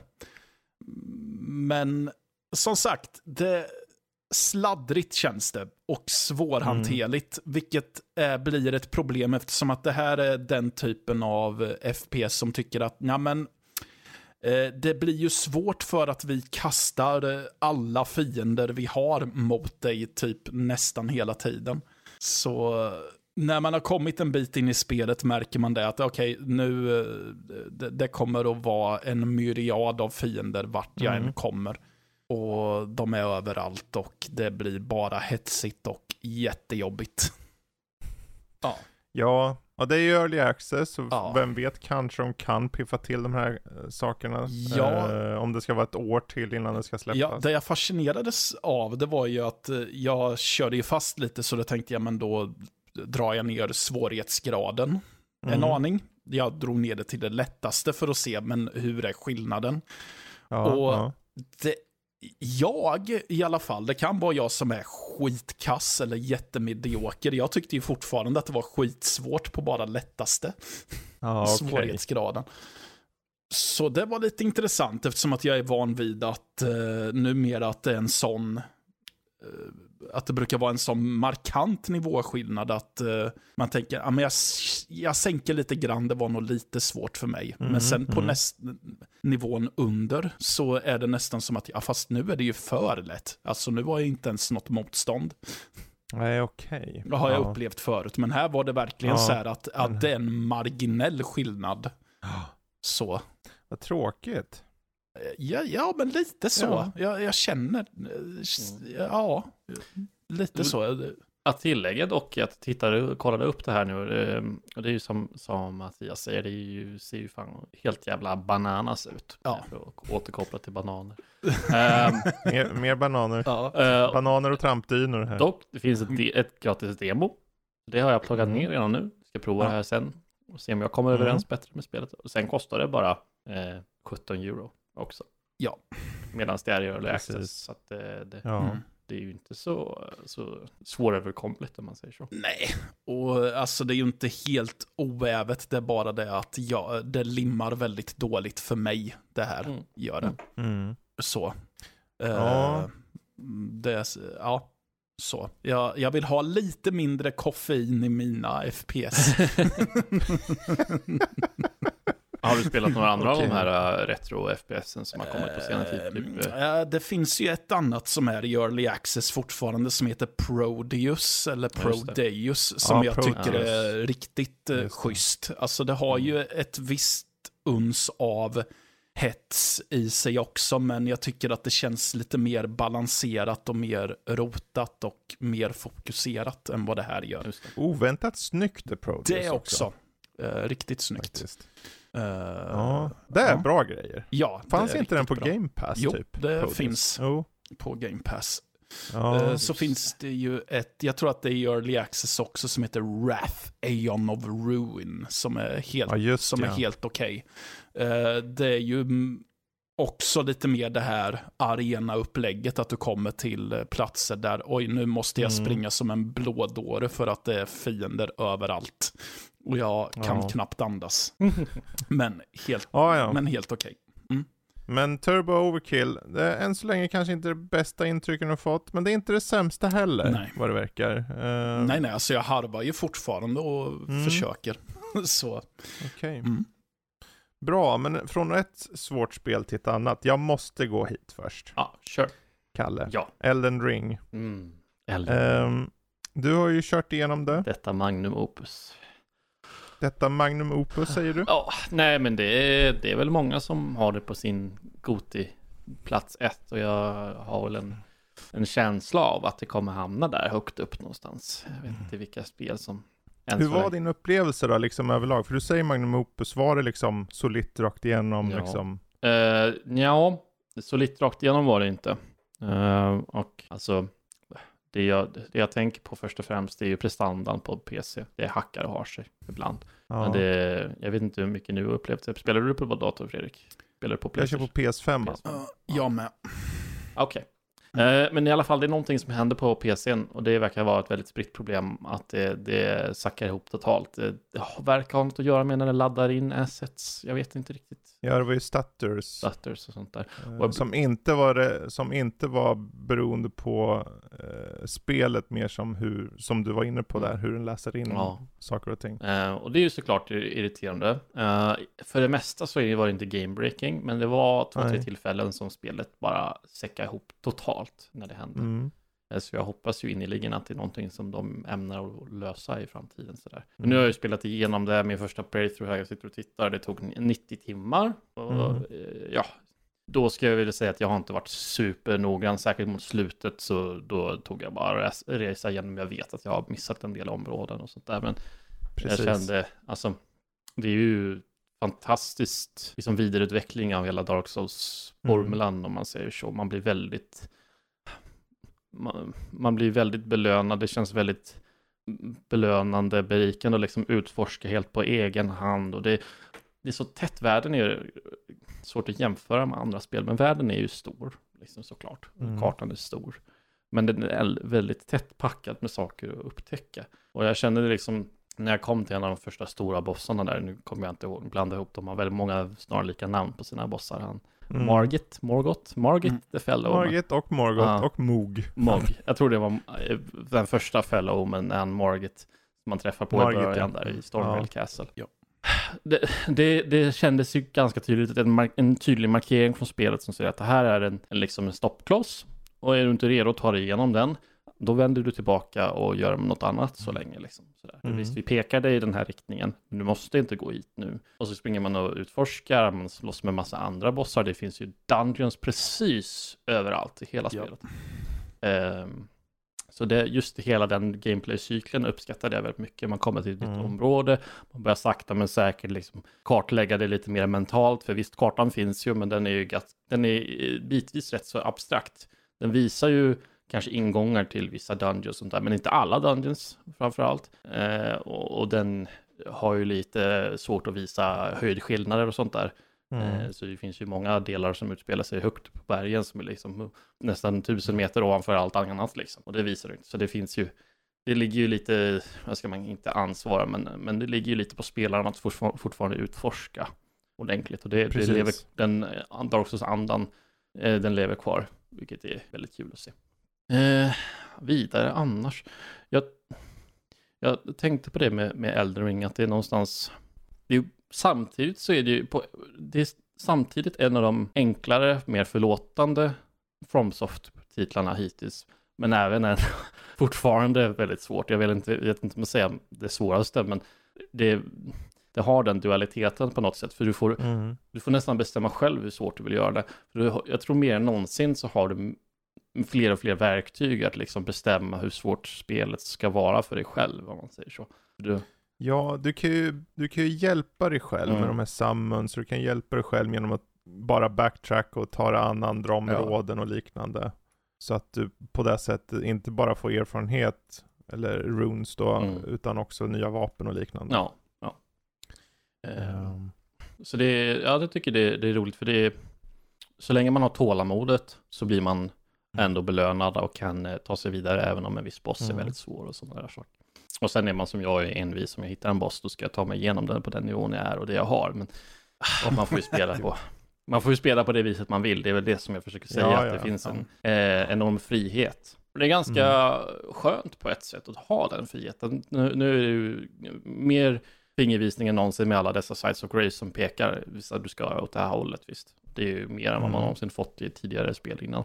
Ehm, men eh, Det var väl ändå tvunget här jag. ja, absolut, tanke på med världen. World och så vidare. Det är svårt att designa en värld så stor och Ja. ändå, Och det är ju, Ja, de visar ju ibland åt flera håll samtidigt. absolut. Så att man får ju pick and choose vart du ska gå Mm, lite grann också. mm, mm.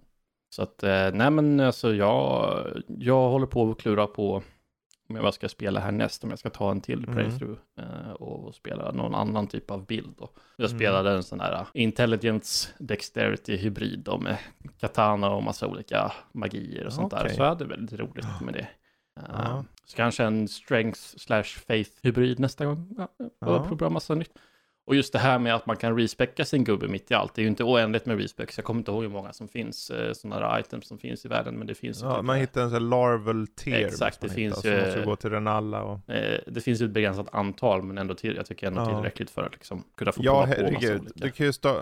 Och, när du, om du har kommit så långt att du gör det... Mm. För jag, jag, man tar ju Renalla relativt tidigt. Så är det ju. Säger Ja. jag, relativt med tanke på att spelet är så långt. Um, och så du kan ju späcka om då, Mm. men det känns inte som att, jag, jag hade ju aldrig späckat om relativt tidigt i spelet. Nej. Då, då hade jag nog späckat om långt senare jag vet, ja men nu har jag mycket jag kan Mm. byta plats med här.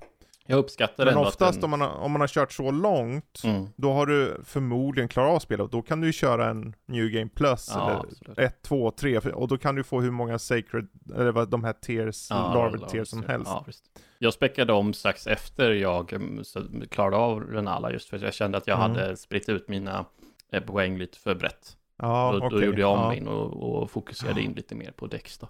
Eh, så det, det, Det är lite därför de finns så tidigt också Mm. då kanske, just för att, okej, jag ser att jag har lagt på saker som kanske inte används, jag lägger dem mm. mer fokuserat. jag var level 55 kanske, någonting sånt, någon den stilen Ja. jag späckade om första gången. Och andra gången för den delen. Eh, Mm.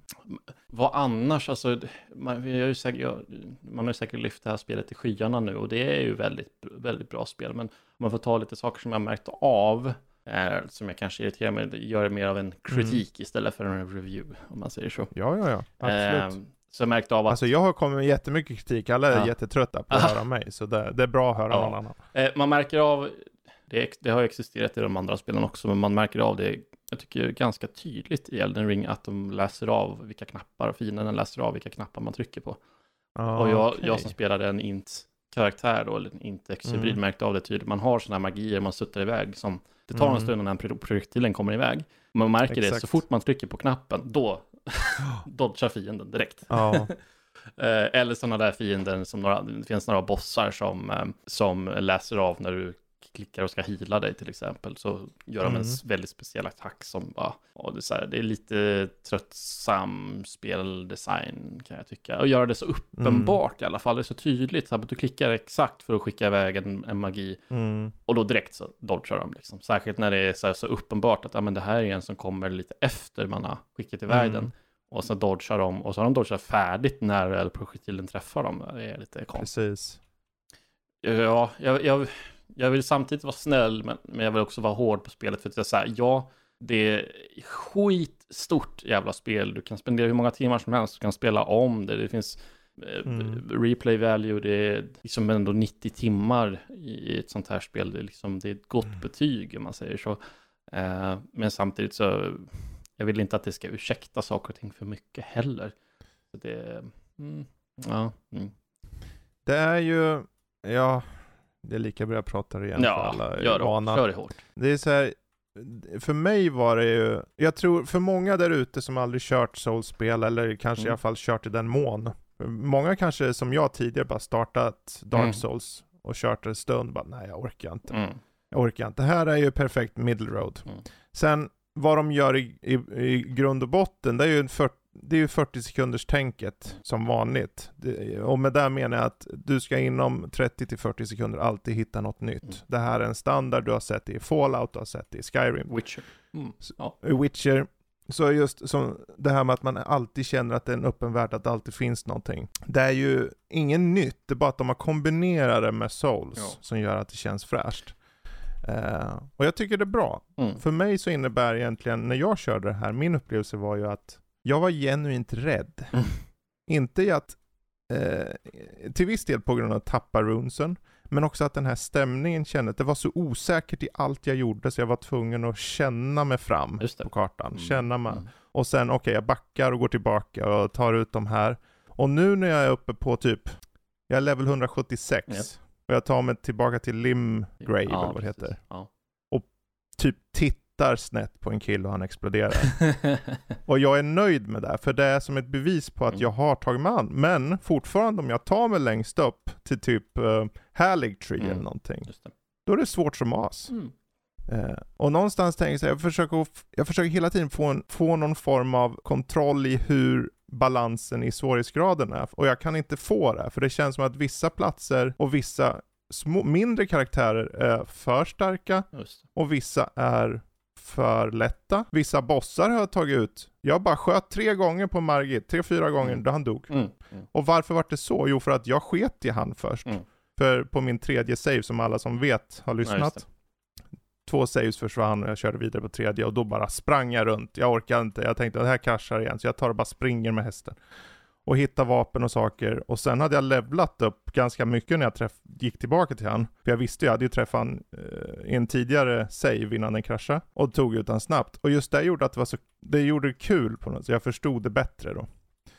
Sen att jag mitt i striden, och det här kanske du var med om när du körde Fire Giant eller vad som helst, att okej, nu, du vet man är uppe i farten så här. Du, om, du är säkert mer tight på det här vad gäller den här typen av spel. För mig är det ju inte så. Så jag bara, okej, jag måste, ska jag låsa fast på den? Jag lock on? Nej, jag ska inte lock on. Nej, jag måste ta hans ben eller någonting. Men jag råkar klicka lock on och då, då lockar han inte på, utan då tittar han Ja, rakt bakåt istället. Mm. Mm. Och jag tänkte, men vad in i helvete? Ja. Ja, Ja. okej. Ja, men det är lugnt. Hur är det med, då ska jag försöka gå och sitta och komma åt knappen för att, ehm, det är ju, jag har ju ändrat om knapparna nu för att jag hade ju, är det att man har för att byta potions och sånt? Eh, på, på handkontroll så är det, eh, vad heter det, Ja, numpad? vad heter den? Eller, neråt. D-pad neråt. Så Mm. jag böt den till att ha på en knapp istället. Så Mm. hade jag för att plocka upp grejer på numpad eh, neråt. Mm.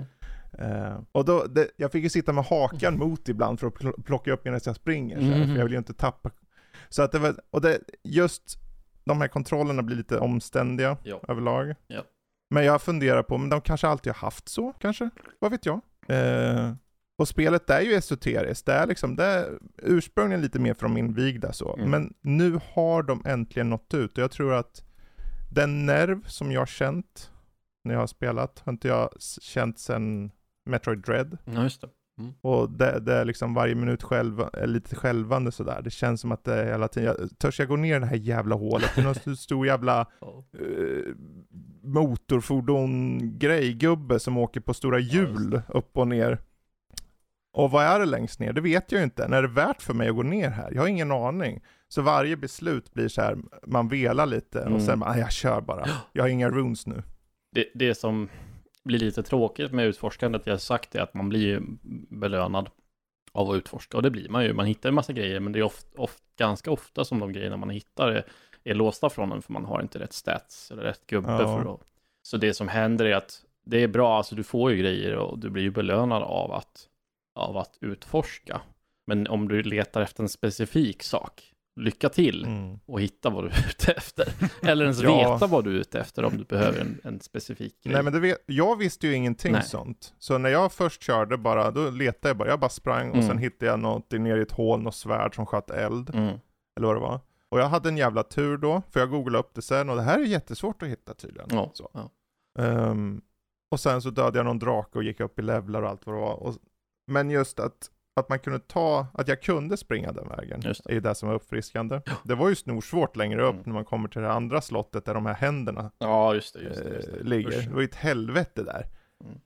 Eh, Fy fan, Ja, äckliga jävla händer. Ja, Men, eh, men det, jag tycker jättemycket om det, men jag blir så här fundersam, för jag har ju tittat lite på Yo- YouTube och så, och det finns folk som hyllar det just på grund av att det är ett open world-spel som hela tiden har någonting nytt runt nästa hörn.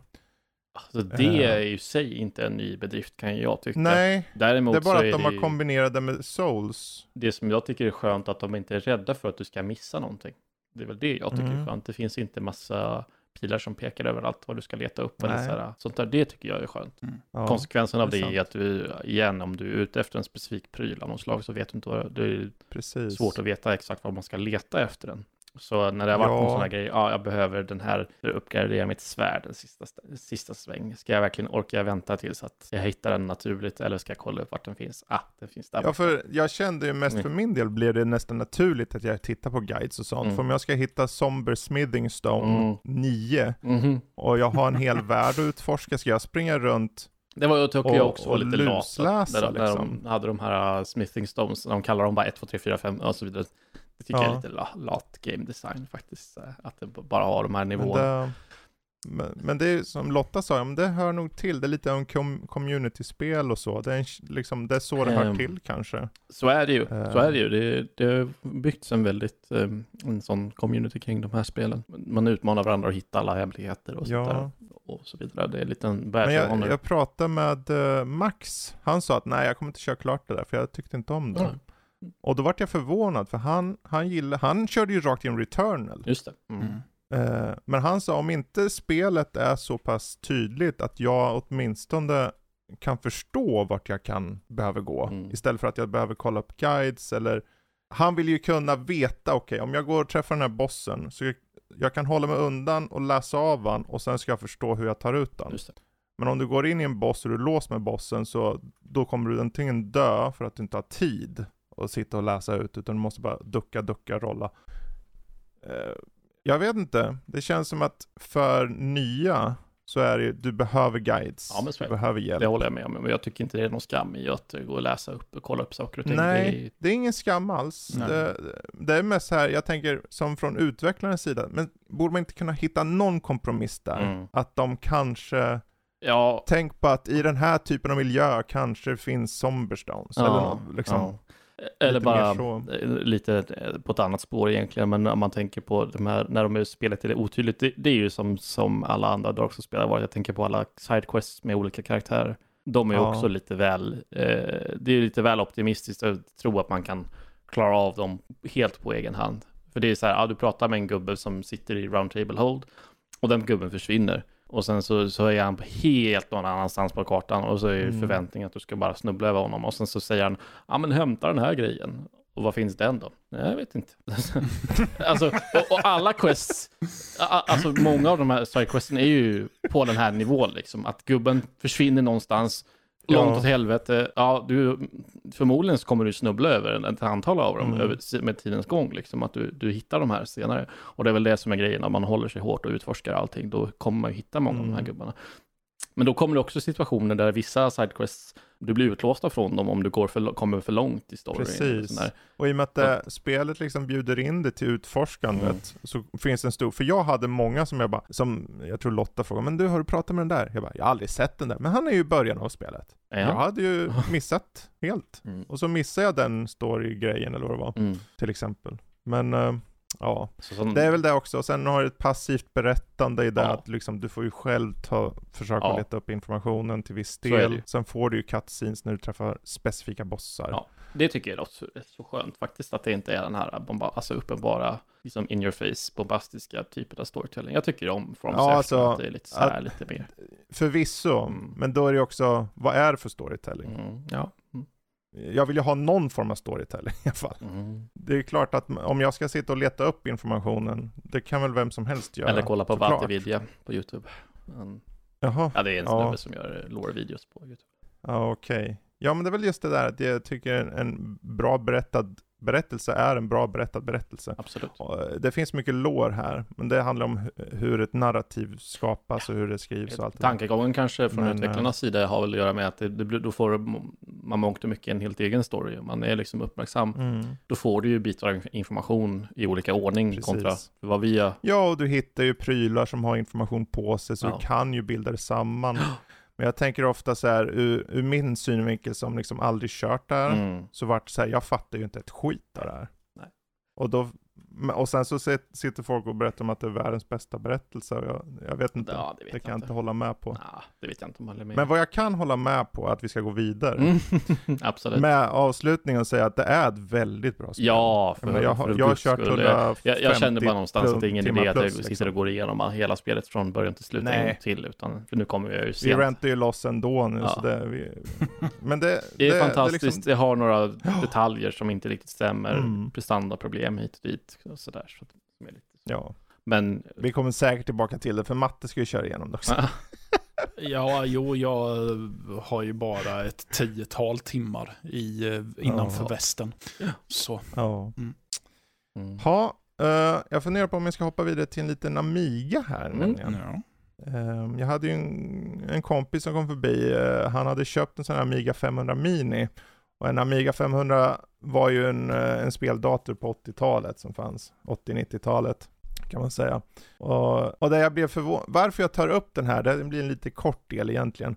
Den hade 25 spel på sig, och det mestadels okej spel, bland annat Pinball Dreams som är en klassiker från DICE av alla. Just det. Eh, och mängder med andra. En liten, liten intressant skara spel. Men vad som står ut med den här är att den har stöd för ett gäng USB-kontakt på baksidan som gör om du tar, tankar ner de här romsen eller någonting som finns till en sån här eh, Amiga-emulator. så är det bara att plugga in och Mm. köra. Mhm. Eh, och jag vet inte om jag har sett det på någon annan sån här mini-enhet.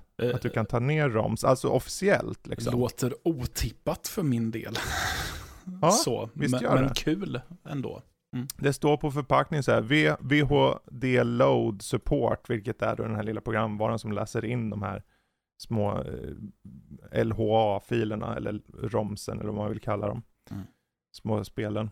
Och äger man spel, liksom, bara lägga in på den där USB-stickan och, och köra, och det funkar väldigt bra. Och med, med den här så var det en mus av gammalt klassiskt stuk. Och I och med att det var flera USB-kontakt på baksidan kan du koppla in en för den, den må ha en eh, till utseende tangentbord på framsidan, men det är inte fungerande för den är typ jätteliten. Jaha, okej. Men du kan koppla in en USB-tangentbord, vilket tangentbord som helst, och köra, så får du det liksom rakt in.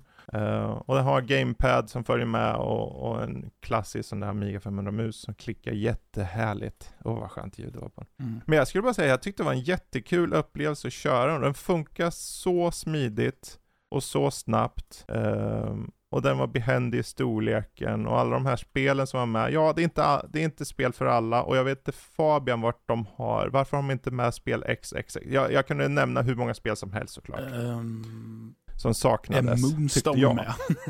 Nej, Moonstone är inte med. Va? Jag, jag fattar inte det heller. Mm. Men eh, den var inte med i alla fall. De hade Supercars 2, Speedball 2, Project X, Pinball Dream som jag sa, eh, California Games, Another World. Mängder av sådana här spel som Okej. släpptes på Amiga. Mm.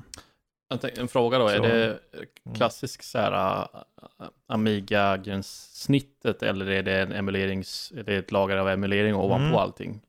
Bra, bra att du sa det, Mm. för att eh, det är liksom som det varit på, till exempel på Nintendos eh, online-store, Just det. så att du får ett interface med spelen liksom. Mm. Men om du pluggar in med den här uh, en USB-sticka med spel, liksom, Mm. då, blir det, då blir det klassiskt Amiga-interface och så väljer du att lag, lod- ladda in dem. Mm. Mm. mm. Det är ju lite häftigt. Eh, ja, lite, lite förenklat var det, men det, det var typ så.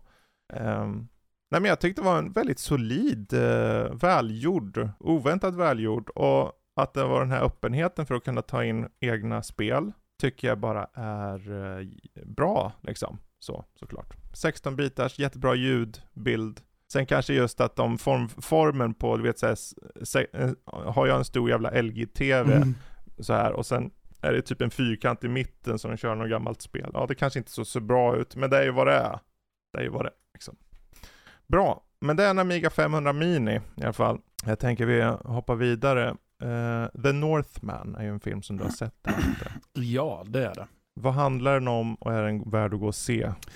Eh, den handlar om en eh, riktigt eh, förbannad Alexander Skarsgård som vill hämnas en snubbe som heter Fjölner eller något sånt där. Som har mm, mördat hans pappa och eh, Okej. kidnappat hans mamma när han var en liten gosse. Så när han eh, ror, Jag hatar när det så händer. efter att ha sprättat upp näsan på en eh, snubbe så ror han ut till havs och eh, skanderar för sig själv att han ska mörda Fjölner och eh, rädda mamma. Eh, Så, ja. Och eh, Okej. Ja, och så när han är vuxen så eh, ja, jobbar han ju aktivt för att eh, det här ska ros i hamn. Och han har till och med kostat på sig att gå och bli en bärsärk. Som liksom Mm. kan eh, fånga upp, eh, om en, om en stackare skjuter en pil emot honom, så kan han fånga pilen och kasta den tillbaka i bröstkorgen på den som sköt den mot honom. Oj, Ja, tjena. exakt. Jävla Uh, tryck i, i kastet. då. jajamän. Ja. Ja, det som är intressant är att Robert, eller Roger Eggers, som har gjort den här. Mm. Han har ju tidigare gjort The Witch och eh, The Lighthouse, eh, som är väldigt konstfilmsaktiga skräckfilmer. Mm. Eh, det, som dock, det som jag mest tänker på det är att de två är väldigt eh, eh, enkla i sin setting. De har, det är, inte, det är inte så stor yta de filmerna rör sig på. Och det är väldigt eh, små filmer kan man säga. Och här är det typ tvärtom. Det episkt, alltså så här, titta vi har varit på Island och filmat, titta vilka storslagna miljöer vi har här. Och så. Och att, eh, ja vi börjar i den här lilla vikingabyn och nu är vi i ett annat land och nu är vi här borta istället. Så, Mm. mm. Eh, så han har gjort det större. Så. Och eh, just också, jag är så förtjust i just den här stämningen som verkligen osar av just il, den väldigt ilskna och surmulna drivkraften hos eh, huvudkaraktären. Så att eh, jäklar vad hat kan vara en drivkraft, men det måste ju vara energikrävande på ett sätt också. Ja, måste vara dränerande. Ja, liksom. precis. Så. Men finns det något mer djup i karaktären än så, eller är han bara arg? Ja, eh, nej men det finns mycket mer djup än så. Men eh, det, så, så han är inte bara arg. Det är väldigt mycket melankoli i honom också. Så att eh, den, den här klassiken att, ja men, ska jag verkligen ägna livet åt bara det här? Eller ska jag kanske släppa det och gå vidare med något annat för att inte eh, riskera att göra mitt liv ännu värre än vad det redan är? Mm. Så. Och sen är det ju också just det att, ja, tänk om eh, saker och ting inte riktigt är vad du har eh, inbillat dig just för att du är så, tenderar att vara så enfaldig. Mm. Så. Ehm, nej, jag tycker jättemycket om den här. Eh, dels just att, att det är kul att se honom ta steget till att göra något som är lite mer episkt. Mm. Och kanske lite mer lättillgängligt med. Eh, till viss del, det finns några scener där jag tänker att oj, det här kanske är en tröskel för några att ta sig över. För där, Rent gårmässigt då, eller? nej. Utan Nej. mer konstfilmsmässigt. Ja, där, det okej, typ, där man typ märker att nu, nu är det symbolik eh, som bara Mm. kommer emot en som en ångvält här. Typ så. Och sen lite allmänt märkliga scener som det i ganska tidigt i filmen så ser man Ethan Hawke och en pojke eh, krypa runt framför fötterna på Willem Dafoe och leka vargar. Så. Kan nog vara Ja, en jag tröskel. vet, en vanlig torsdag. Ja, Ja. kan nog vara en tröskel för andra också. Så. Ja. men värd att gå och se på bio. Ja, ja, Eller är eh, solklart. Alltså det är en väldigt vacker film om inte annat. Mm. Så, och... Eh, eh, Jag tänker för publikmässigt så här, Mm. för, för många har ju, in, på förhand innan den släpptes så är det många som säger, men det här ser ut att vara något som Braveheart, som Mm. den typen av film. Är det typ så, eller är det mer, mer, eh, Alltså, mer indie-liknande, mer som Lighthouse-symbolik? Ja, alltså tänk dig att det är en väldigt, eh, vad ska man säga, tänk dig en, en mastig eller eh, mastig film. Alltså en, Mm. jag vet inte vad, jag tappade ordet lite där, vad som är ett bra ord för det. Ja, men en, en mustig film kan vi, eller vad vi Mm. säger, i en, Mastig och mustig. ja, i en eh, blockbuster-skrud lite. Ja. Så.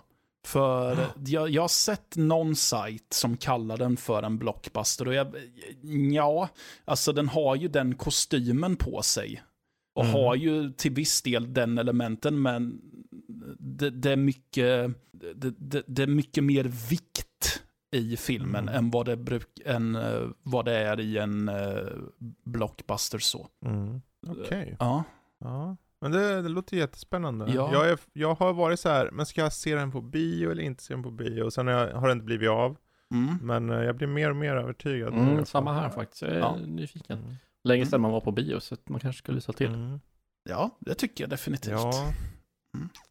Ja, okej, The Northman. Mhm. Gå och se den för allt i smör i Småland. Ehm, bra, jag ska riva av en liten jävel här. Jag vet inte, du kanske om någon Kalle känner till Vampire Survivors? eller? Ja, absolut. Jag har inte spelat det själv, Ja. men jag känner, känner väl till det. För, Du sa... för jag kände inte till det Ja, du sa, fram tills... du sa själv att du är sist i världen med att ta dig an det eller ens veta vad Mm. det är. Men då säger jag nej, för det måste vara jag, för jag har inte hört talas om det Nej, då överhuvudtaget. ska jag berätta. För, för jag satt ju uppe igår och märkte att det satt en liten Max i en hörna här på Discord. Eh, och vi bubblade lite hit och dit. Han sa, men du, har du spelat det här? Där sitter ju alla och spelar. Jag bara, jag har aldrig hört talas om det här. Vad gör man? Ja, det är alltså ett spel. Du har en enormt stor karta, kan man säga. Och i mitten står ju lilla du, i en form av en hjälte kan man säga. Och du automatiskt börjar skjuta ut eh, den förmåga som den valda hjälten du har. Tänk ett roguelite. Och sen ska du bara undvika att dö, egentligen, om vi ska hålla det enkelt, så länge som möjligt.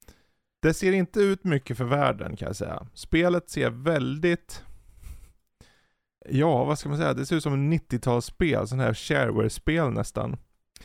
Men den här beroendeframkallande jävla gameplayet som finns här gjorde att jag satt ett par timmar i sträck och sen har jag suttit fast i det här. Och allt man gör är att man ska bara överleva och när du dödar de här monstren som hela tiden är på dig så droppar de kristaller som är typ XP. Och du plockar upp XPn och går upp i nivå och varpå du får välja en, ny, en till uppgradering eller ett nytt vapen.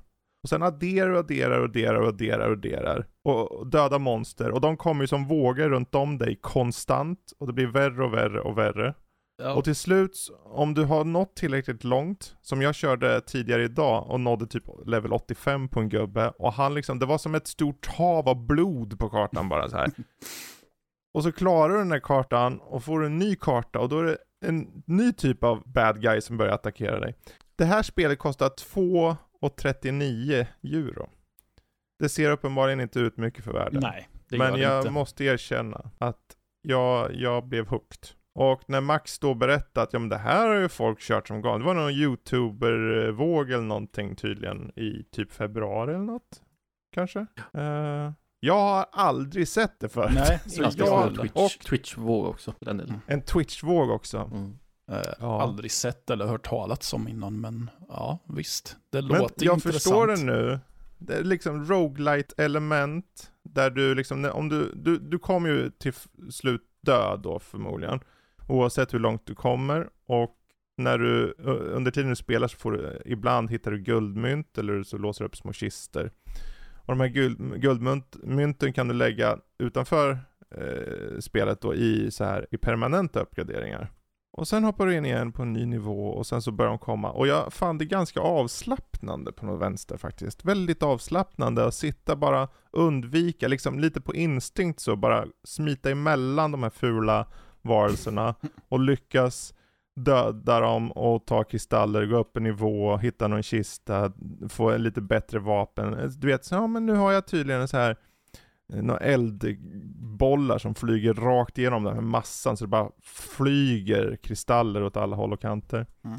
Ehm, jag kan bara säga att jag tycker att det var kul Vampire Survivors och har ni typ en 20 eller 30 spänn så ge det, ta och testa vet jag. Det är verkligen inga pengar. Ja, det ser inte ut mycket för världen och det är fortfarande early access.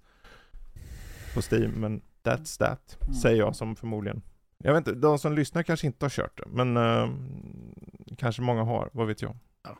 Något för dig, tror du eller Matte? För mig? Mm, Ja, Ja. ja, kanske. Eh, Det lät ju som att det var tillräckligt billigt för att bara eh, ge det en spin om man säger så. Absolut, Mm. absolut. En spin får man osökt att tänka på jul, och jul det hittar man i Trackmania. Ja, just det. Mm. Trackmania, finaste övergången jag vilken. Trackmania är det? Senaste, det som bara heter Trackmania, finns på Ubisoft Connect. Okej, I, i men allmänt tal så tror jag man kallar det för Trackmania 2022 tror jag. Eh, aha, okej. Ja. Eh, nej, men eh, jag fick ett infall. Det var en, en streamer som jag kollade på. Som har Mm. fastnat för det och han satt och tragglade. Jag satt och tittade på honom när jag satt och jobbade samtidigt. Och han satt och tragglade på samma jävla bana om och om igen. Jag tror han satt i tre timmar på samma jävla bana. Och så tänkte jag, Det skulle jag aldrig ha gjort. Nej, inte jag heller. Ehm, så jag tänkte, jag måste ju, alltså det, det ser ju rätt så kul ut ändå, så jag måste ju prova och se Ja. hur svårt det är själv. Liksom. Alltså, jag, jag är inte den som bara tror mig kunna klå vad som helst, men jag var, blev ändå nyfiken, liksom, hur svårt är Mm. det? Liksom. Och visade sig att det är rätt så svårt, beroende, Ja. beroende på vilken tid man jagar, såklart. Ja, Så, såklart, det handlar ju alltid, det är tiden det handlar om. Så är det ju. man ska åka snabbt. Men Mm. eh, jag fastnar ju i samma träsk själv och sitta och tragga på samma bana, kanske inte i tre timmar, men kanske en timme åtminstone. ja. eller två. Ja. Och det är ju faktiskt sjukt kul. Ehm, kul hur eh, det, det finns ett sånt enormt högt skill ceiling i ett sånt här äh, racingspel. Mm. Liksom, alltså, ehm, så det jag gjorde var ju att han hade ju skapat en sån där klubb i spelet, så kunde jag gå in och, och racea mot honom, hans tider, hans ghost. Precis. Bara för att få liksom en uppfattning om och sådär. Det är alltså vilken mi- millimeter precision man måste ha i det här Mm. spelet för att det ska liksom, Har du sett speedruns på det? ja.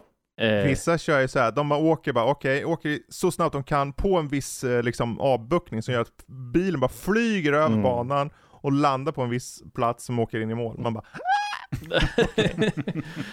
Ja, alltså helt galet. Eh, Det finns ju en, en eh, youtuber som heter Virtual, stavat med W, och han går igenom mycket av de här stora rekorden som finns i spelet och sånt där. Eh, Eller spelarna, Oh. får man väl säga. Alla Ja. gamla Trackmania också. Men det finns på Ubisoft Connect och det är, jag för mig att det finns, alltså, de har lite annorlunda prismodell, jag har för mig att du får spela det Mm. gratis. Så kan du köpa någon standard ed- edition för en hundring och sen kan du betala mer för nästa version då, om du vill ha. Du får massa med sociala funktioner med, man kan vara med i klubbar och hit och dit. och Sånt där. Men om man bara Mm. vill spela spelet bara för sakens skull då, då behöver man inte spendera många kronor alls. precis. Körde du någonsin eh, tidigare? Nej, Har du kört eh, tidigare? jag har spelat Nej. Trackmania hemma hos dig eller hemma hos nors- norsken en gång innan, men det är allt. Mm. Jag har inte spelat Mm. Trackmania innan.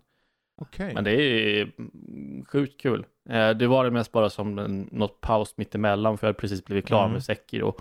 Jag vill Mm. inte riktigt ta mig an. Jag håller på med God of War nu. Eh, Så Ja. jag vill inte riktigt, ja. Jag skulle resa Det är och ju- så jag vill inte ta Det mig är an God ju of War. precis som eh, med det här Vampire på ett sätt, Mm. att du kan ju bara gå på instinkt till viss del.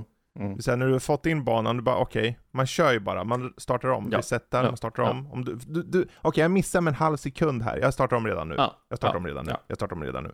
Liksom jag satt och tragglade på en bana som var åtta sekunder lång. För att få liksom Ja. rätt. Allt, det var liksom två svängar, det var en högersväng och så var det en vänstersväng och sen var det i mål. Det var någon sån här Mm. träningsbana. Men det handlar om att hitta rätt linje i banan liksom för att absolut Precis. maximera. För att om man racear mot någon annan, om du plockar fram någons rekord liksom och så har du deras Ghost Mm. som man kör efter. Eh, Säkert när det är en sån kort bana, de, man accelererar ju precis lika snabbt. Liksom. Så allt det handlar om att hitta rätt linje för att göra banan så kort som möjligt. Det är ju en sån Ja. bana, det, det går inte att liksom hoppa över den på något sätt, utan du måste bara Nej. köra liksom. Så hitta rätt så att ha kurvorna så tight som möjligt och liksom, ja. Mm. Precis. Ja. Det är ju, jag tycker det är värre nästan, för jag körde ju igenom eh, fel ord, men jag körde extremt mycket Trackmania Turbo. Mm. Och eh, idén är ju exakt densamma. Och då mot slutet när det är liksom varvbanor, ja, just det. Mm. och du kör liksom, okej, det- du har åtta minuter på dig, eller något. Och då, då är det så här, okej, minsta lilla fel i början, gör om. Och sen till slut, man sitter, man blir ju helt bång i huvudet liksom. Man sitter, okej nu, man nailar den. Och sen så är det typ på andra varvet, man träffar lite på en kant, startar om. Då tar det tid alltså. Mm. Och det var nog mot slutet där, jag hade, för jag siktade på, okej jag ska ta bara guld på allt. Japp. På hela spelet rakt ner, för man får säga uh, guld, silver, brons. Och, och sen till slut, jag hade typ halva spelet på guld eller någonting. Jag tänkte, ja men nu, nu pallar inte jag längre. Mitt psyke kommer gå sönder om jag ska sitta med den här banan igen. Men jag fick väldigt, jag kan säga jag körde där Trackmania Turbo på alla plattformar för att det är så bra. Mm. Det säger en del. Ja, ja, ja. Mm. Förvisso körde jag Trackmania när första spelet släpptes för 20 år sedan. Så att jag och lirade och byggde banor själv. ja. Men det var ett tag sedan. Du är mer av en veteran Ja. än vad jag är. Ehm, det var roligt faktiskt, för vi, när vi sitter i Discord, jag och mina kompisar, så ja, man Ja. slår igång en stream, bara delar med sig av vad man Mm, spelar mm. liksom. Det, eh, och sen som någon tittar, det ja, det är inte så noga, men det kan hända att någon Precis. tittar i ögonvrån liksom. Men alla som har tittat på när jag spelar det här och, och kör samma bana om och om igen, bara nej, jag klarar inte av att titta på det här. Jag måste st- stänga av, det går inte. Nej, jag fattar inte hur du orkar liksom. ja, Det är ju så att vissa spel är inte bra att titta på, men när man sitter i dem, Mm. den, det är verkligen en helt annan sak. Vissa spel är ju väldigt så här sebara, men det här, jag kan hålla med om, det är nog inte kul att se dig resetta efter en typ tre sekunder bara för att du träffar en kurva lite fel. Ja, ja, men det var precis det som hände när jag körde den här start, en sån här tutorialbana mer eller mindre som har två kurvor Ja. i sig. Nej, nej, nej, nu var jag en halv millimeter för, för långt ifrån här nu. Då kommer jag inte få en bra linje, så då kommer jag Ja. hamna efter 300, 300 delar, eller tre- tre- 300 000 delar av en sekund längre fram. Så nu måste jag bara starta om. Mm. Mm, Det är marginaler. mm. Ja. Men eh, du rekommenderar i alla fall? Ja, Typ. det är skitkul. Eh, Starter Access är gratis på Ubisoft Connect. Precis. Och sen så är det standard edition eller vad det nu hette, ja. en- hundring. Så. Ja. Ja, precis. Bra. Från någonting som kräver extrema marginaler till något som inte kräver några margi- marginaler, typ. Det är Nintendo Switch Sports. det är ju, hur många har kört Wii Sports när det begav sig? Jag Jag. hand. Mm. Ja, Ganska mycket konceptet, faktiskt. ja. konceptet är detsamma fast du kör med joycons och du kan ha en andra joycon uh, spänd runt ditt ben för vissa sporter. Ja. Mm. Och det är liksom fotboll, det är volleyboll, det är tennis, badminton och chambara som är typ som fäktning. Okej. Okej, ja. Det, Ehm, och den här, de här, jag, jag körde igenom alla och vissa av dem var så här busenkla och då var det typ så här bowling. Du bara håller in knappen och sen bara, så länge du gör det rakt så blir det i regel alltid liksom strike. Ja. Eh, men du kan öka svårighetsgraden och då är det andra saker i omnejden liksom som det kan påverka. Som till exempel om du spelar fotboll, då ska du, i ett läge ska du bara, en boll skjuts ut mot dig och du ska bara sparka i rätt ögonblick. Men då ibland så är det mindre mål. Mhm. Mm. Och ibland är det större mål. Och ibland är det skevt mål. Beroende på om du liksom gör, ändrar svårighetsgraden. Mm. På den lättaste så är det bara liksom du mot en, mot en eh, AI-gubbe. Och han skjuter typ mål nästan hela tiden. Om han missar en gång, för du, det är nästan omöjligt för dig att missa, då vinner du. Det är väldigt enkelt. Ehm, och volleyboll, du ska liksom hålla en joycon i handen och ungefär så här. Det blir lite så här klassiskt Wii Sports, du står där och vickar lite på handleden lite fram och tillbaka. Det, vissa av de här spelen är inte så krävande, det är inte Ring Fit Adventure direkt. nej. Men det var ganska kul. Särskilt tyckte jag den här svärdsfäktning-grejen. För då måste du, håller då eh, motsatt så som din motspelare. Så om den ska slå Mm. uppifrån och ner, om du håller då vertikalt så blockar du. Okej. Och så åt andra håll då, så om du håller, om han ska slå från sidan så ska du hålla den, vad blir det? Eh, nej, då, då, nej, du tvärtom. Då ska du hålla den Ja, vertikalt. det. Mm. Mm. Mm. Precis. Och andra ska du hålla ho- ho- horisontellt. Och så. så du ska bara parera liksom. Och det funkar faktiskt ganska bra. Sen ska du göra knockout liksom på den. Ehm, men eh, det tråkiga egentligen jag kände när jag körde var att du körde online, då får du inga du får inga uppgraderingar eller någonting. För att kunna få några uppgraderingar, och när jag säger uppgraderingar så är det nya hattar, lite utseende och grejer. För du kan göra en gubbe först, och den är så här jättebasic, för du har knappt något att välja mellan. För då säger spelet, om du ska tjäna mer grejer för att kunna ändra saker, då måste du bara, det får du bara online. Nej. Så för att göra, för att tjäna sånt, då måste du köra online. Jag testade online också, Och så tar liksom, för en, för en omgång så fick du typ 30 poäng och du behöver 100 poäng för att få en grej liksom. Så jag bara, det här kommer ju ta sju år. Alltså även om man förlorar så får man 30 poäng. Ja. Typ. Men, uh, jag vet inte, som spel tyckte det var mysigt. Mm. Vissa av de här sporterna är bättre än andra. Jag skulle säga att svärdfäktningen och fotbollen har vissa lägen, den har fem lägen eller fyra lägen i sig. Uh, badminton var lite kul. Och tennis kunde man åtminstone rikta lite åt vilket håll så. Bowlingen var lite så här. du kan sätta en ettåring på den och den får strike hela tiden typ. Om, ja. Ja, men det är väl. Så kul så för och ettåringen. ja, det är ju kul och Mm. det är ju liksom ettåringarna kanske till för. Ja, kanske.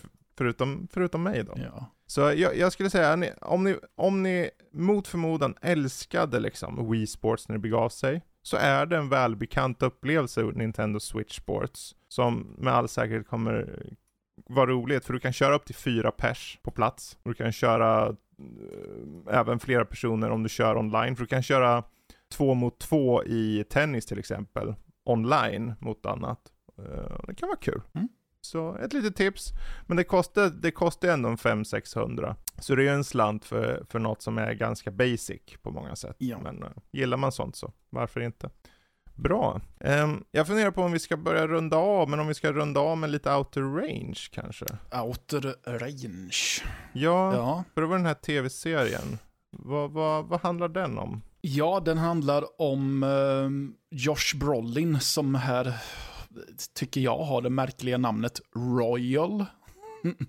Han heter inte Roy, utan Royal. Alltså, ja, så, Mm. mm. Skitsamma. Han, eh, han äger en ranch. Och det blir ett litet debacle med en grannfamilj som säger att ja, ni är eh, si och så många meter in på våran tomt. Fast det här har alltid varit Mm. våran betesmark. Ja, men om du tittar på den här jättegamla kartan så är det här egentligen våran. Och, mm, så det är dels det där. Eh, Ja. Han hittar en kväll eh, ett, ett stort svart hål mitt på betesmarken. Och i det här hålet så är det som moln av stoft som eh, svävar omkring. Och, ja, han är... Okej. Han, han känner en viss eh, typ dragning till det. Så. Eh, mer så här, vad, vad, vad är det här för någonting?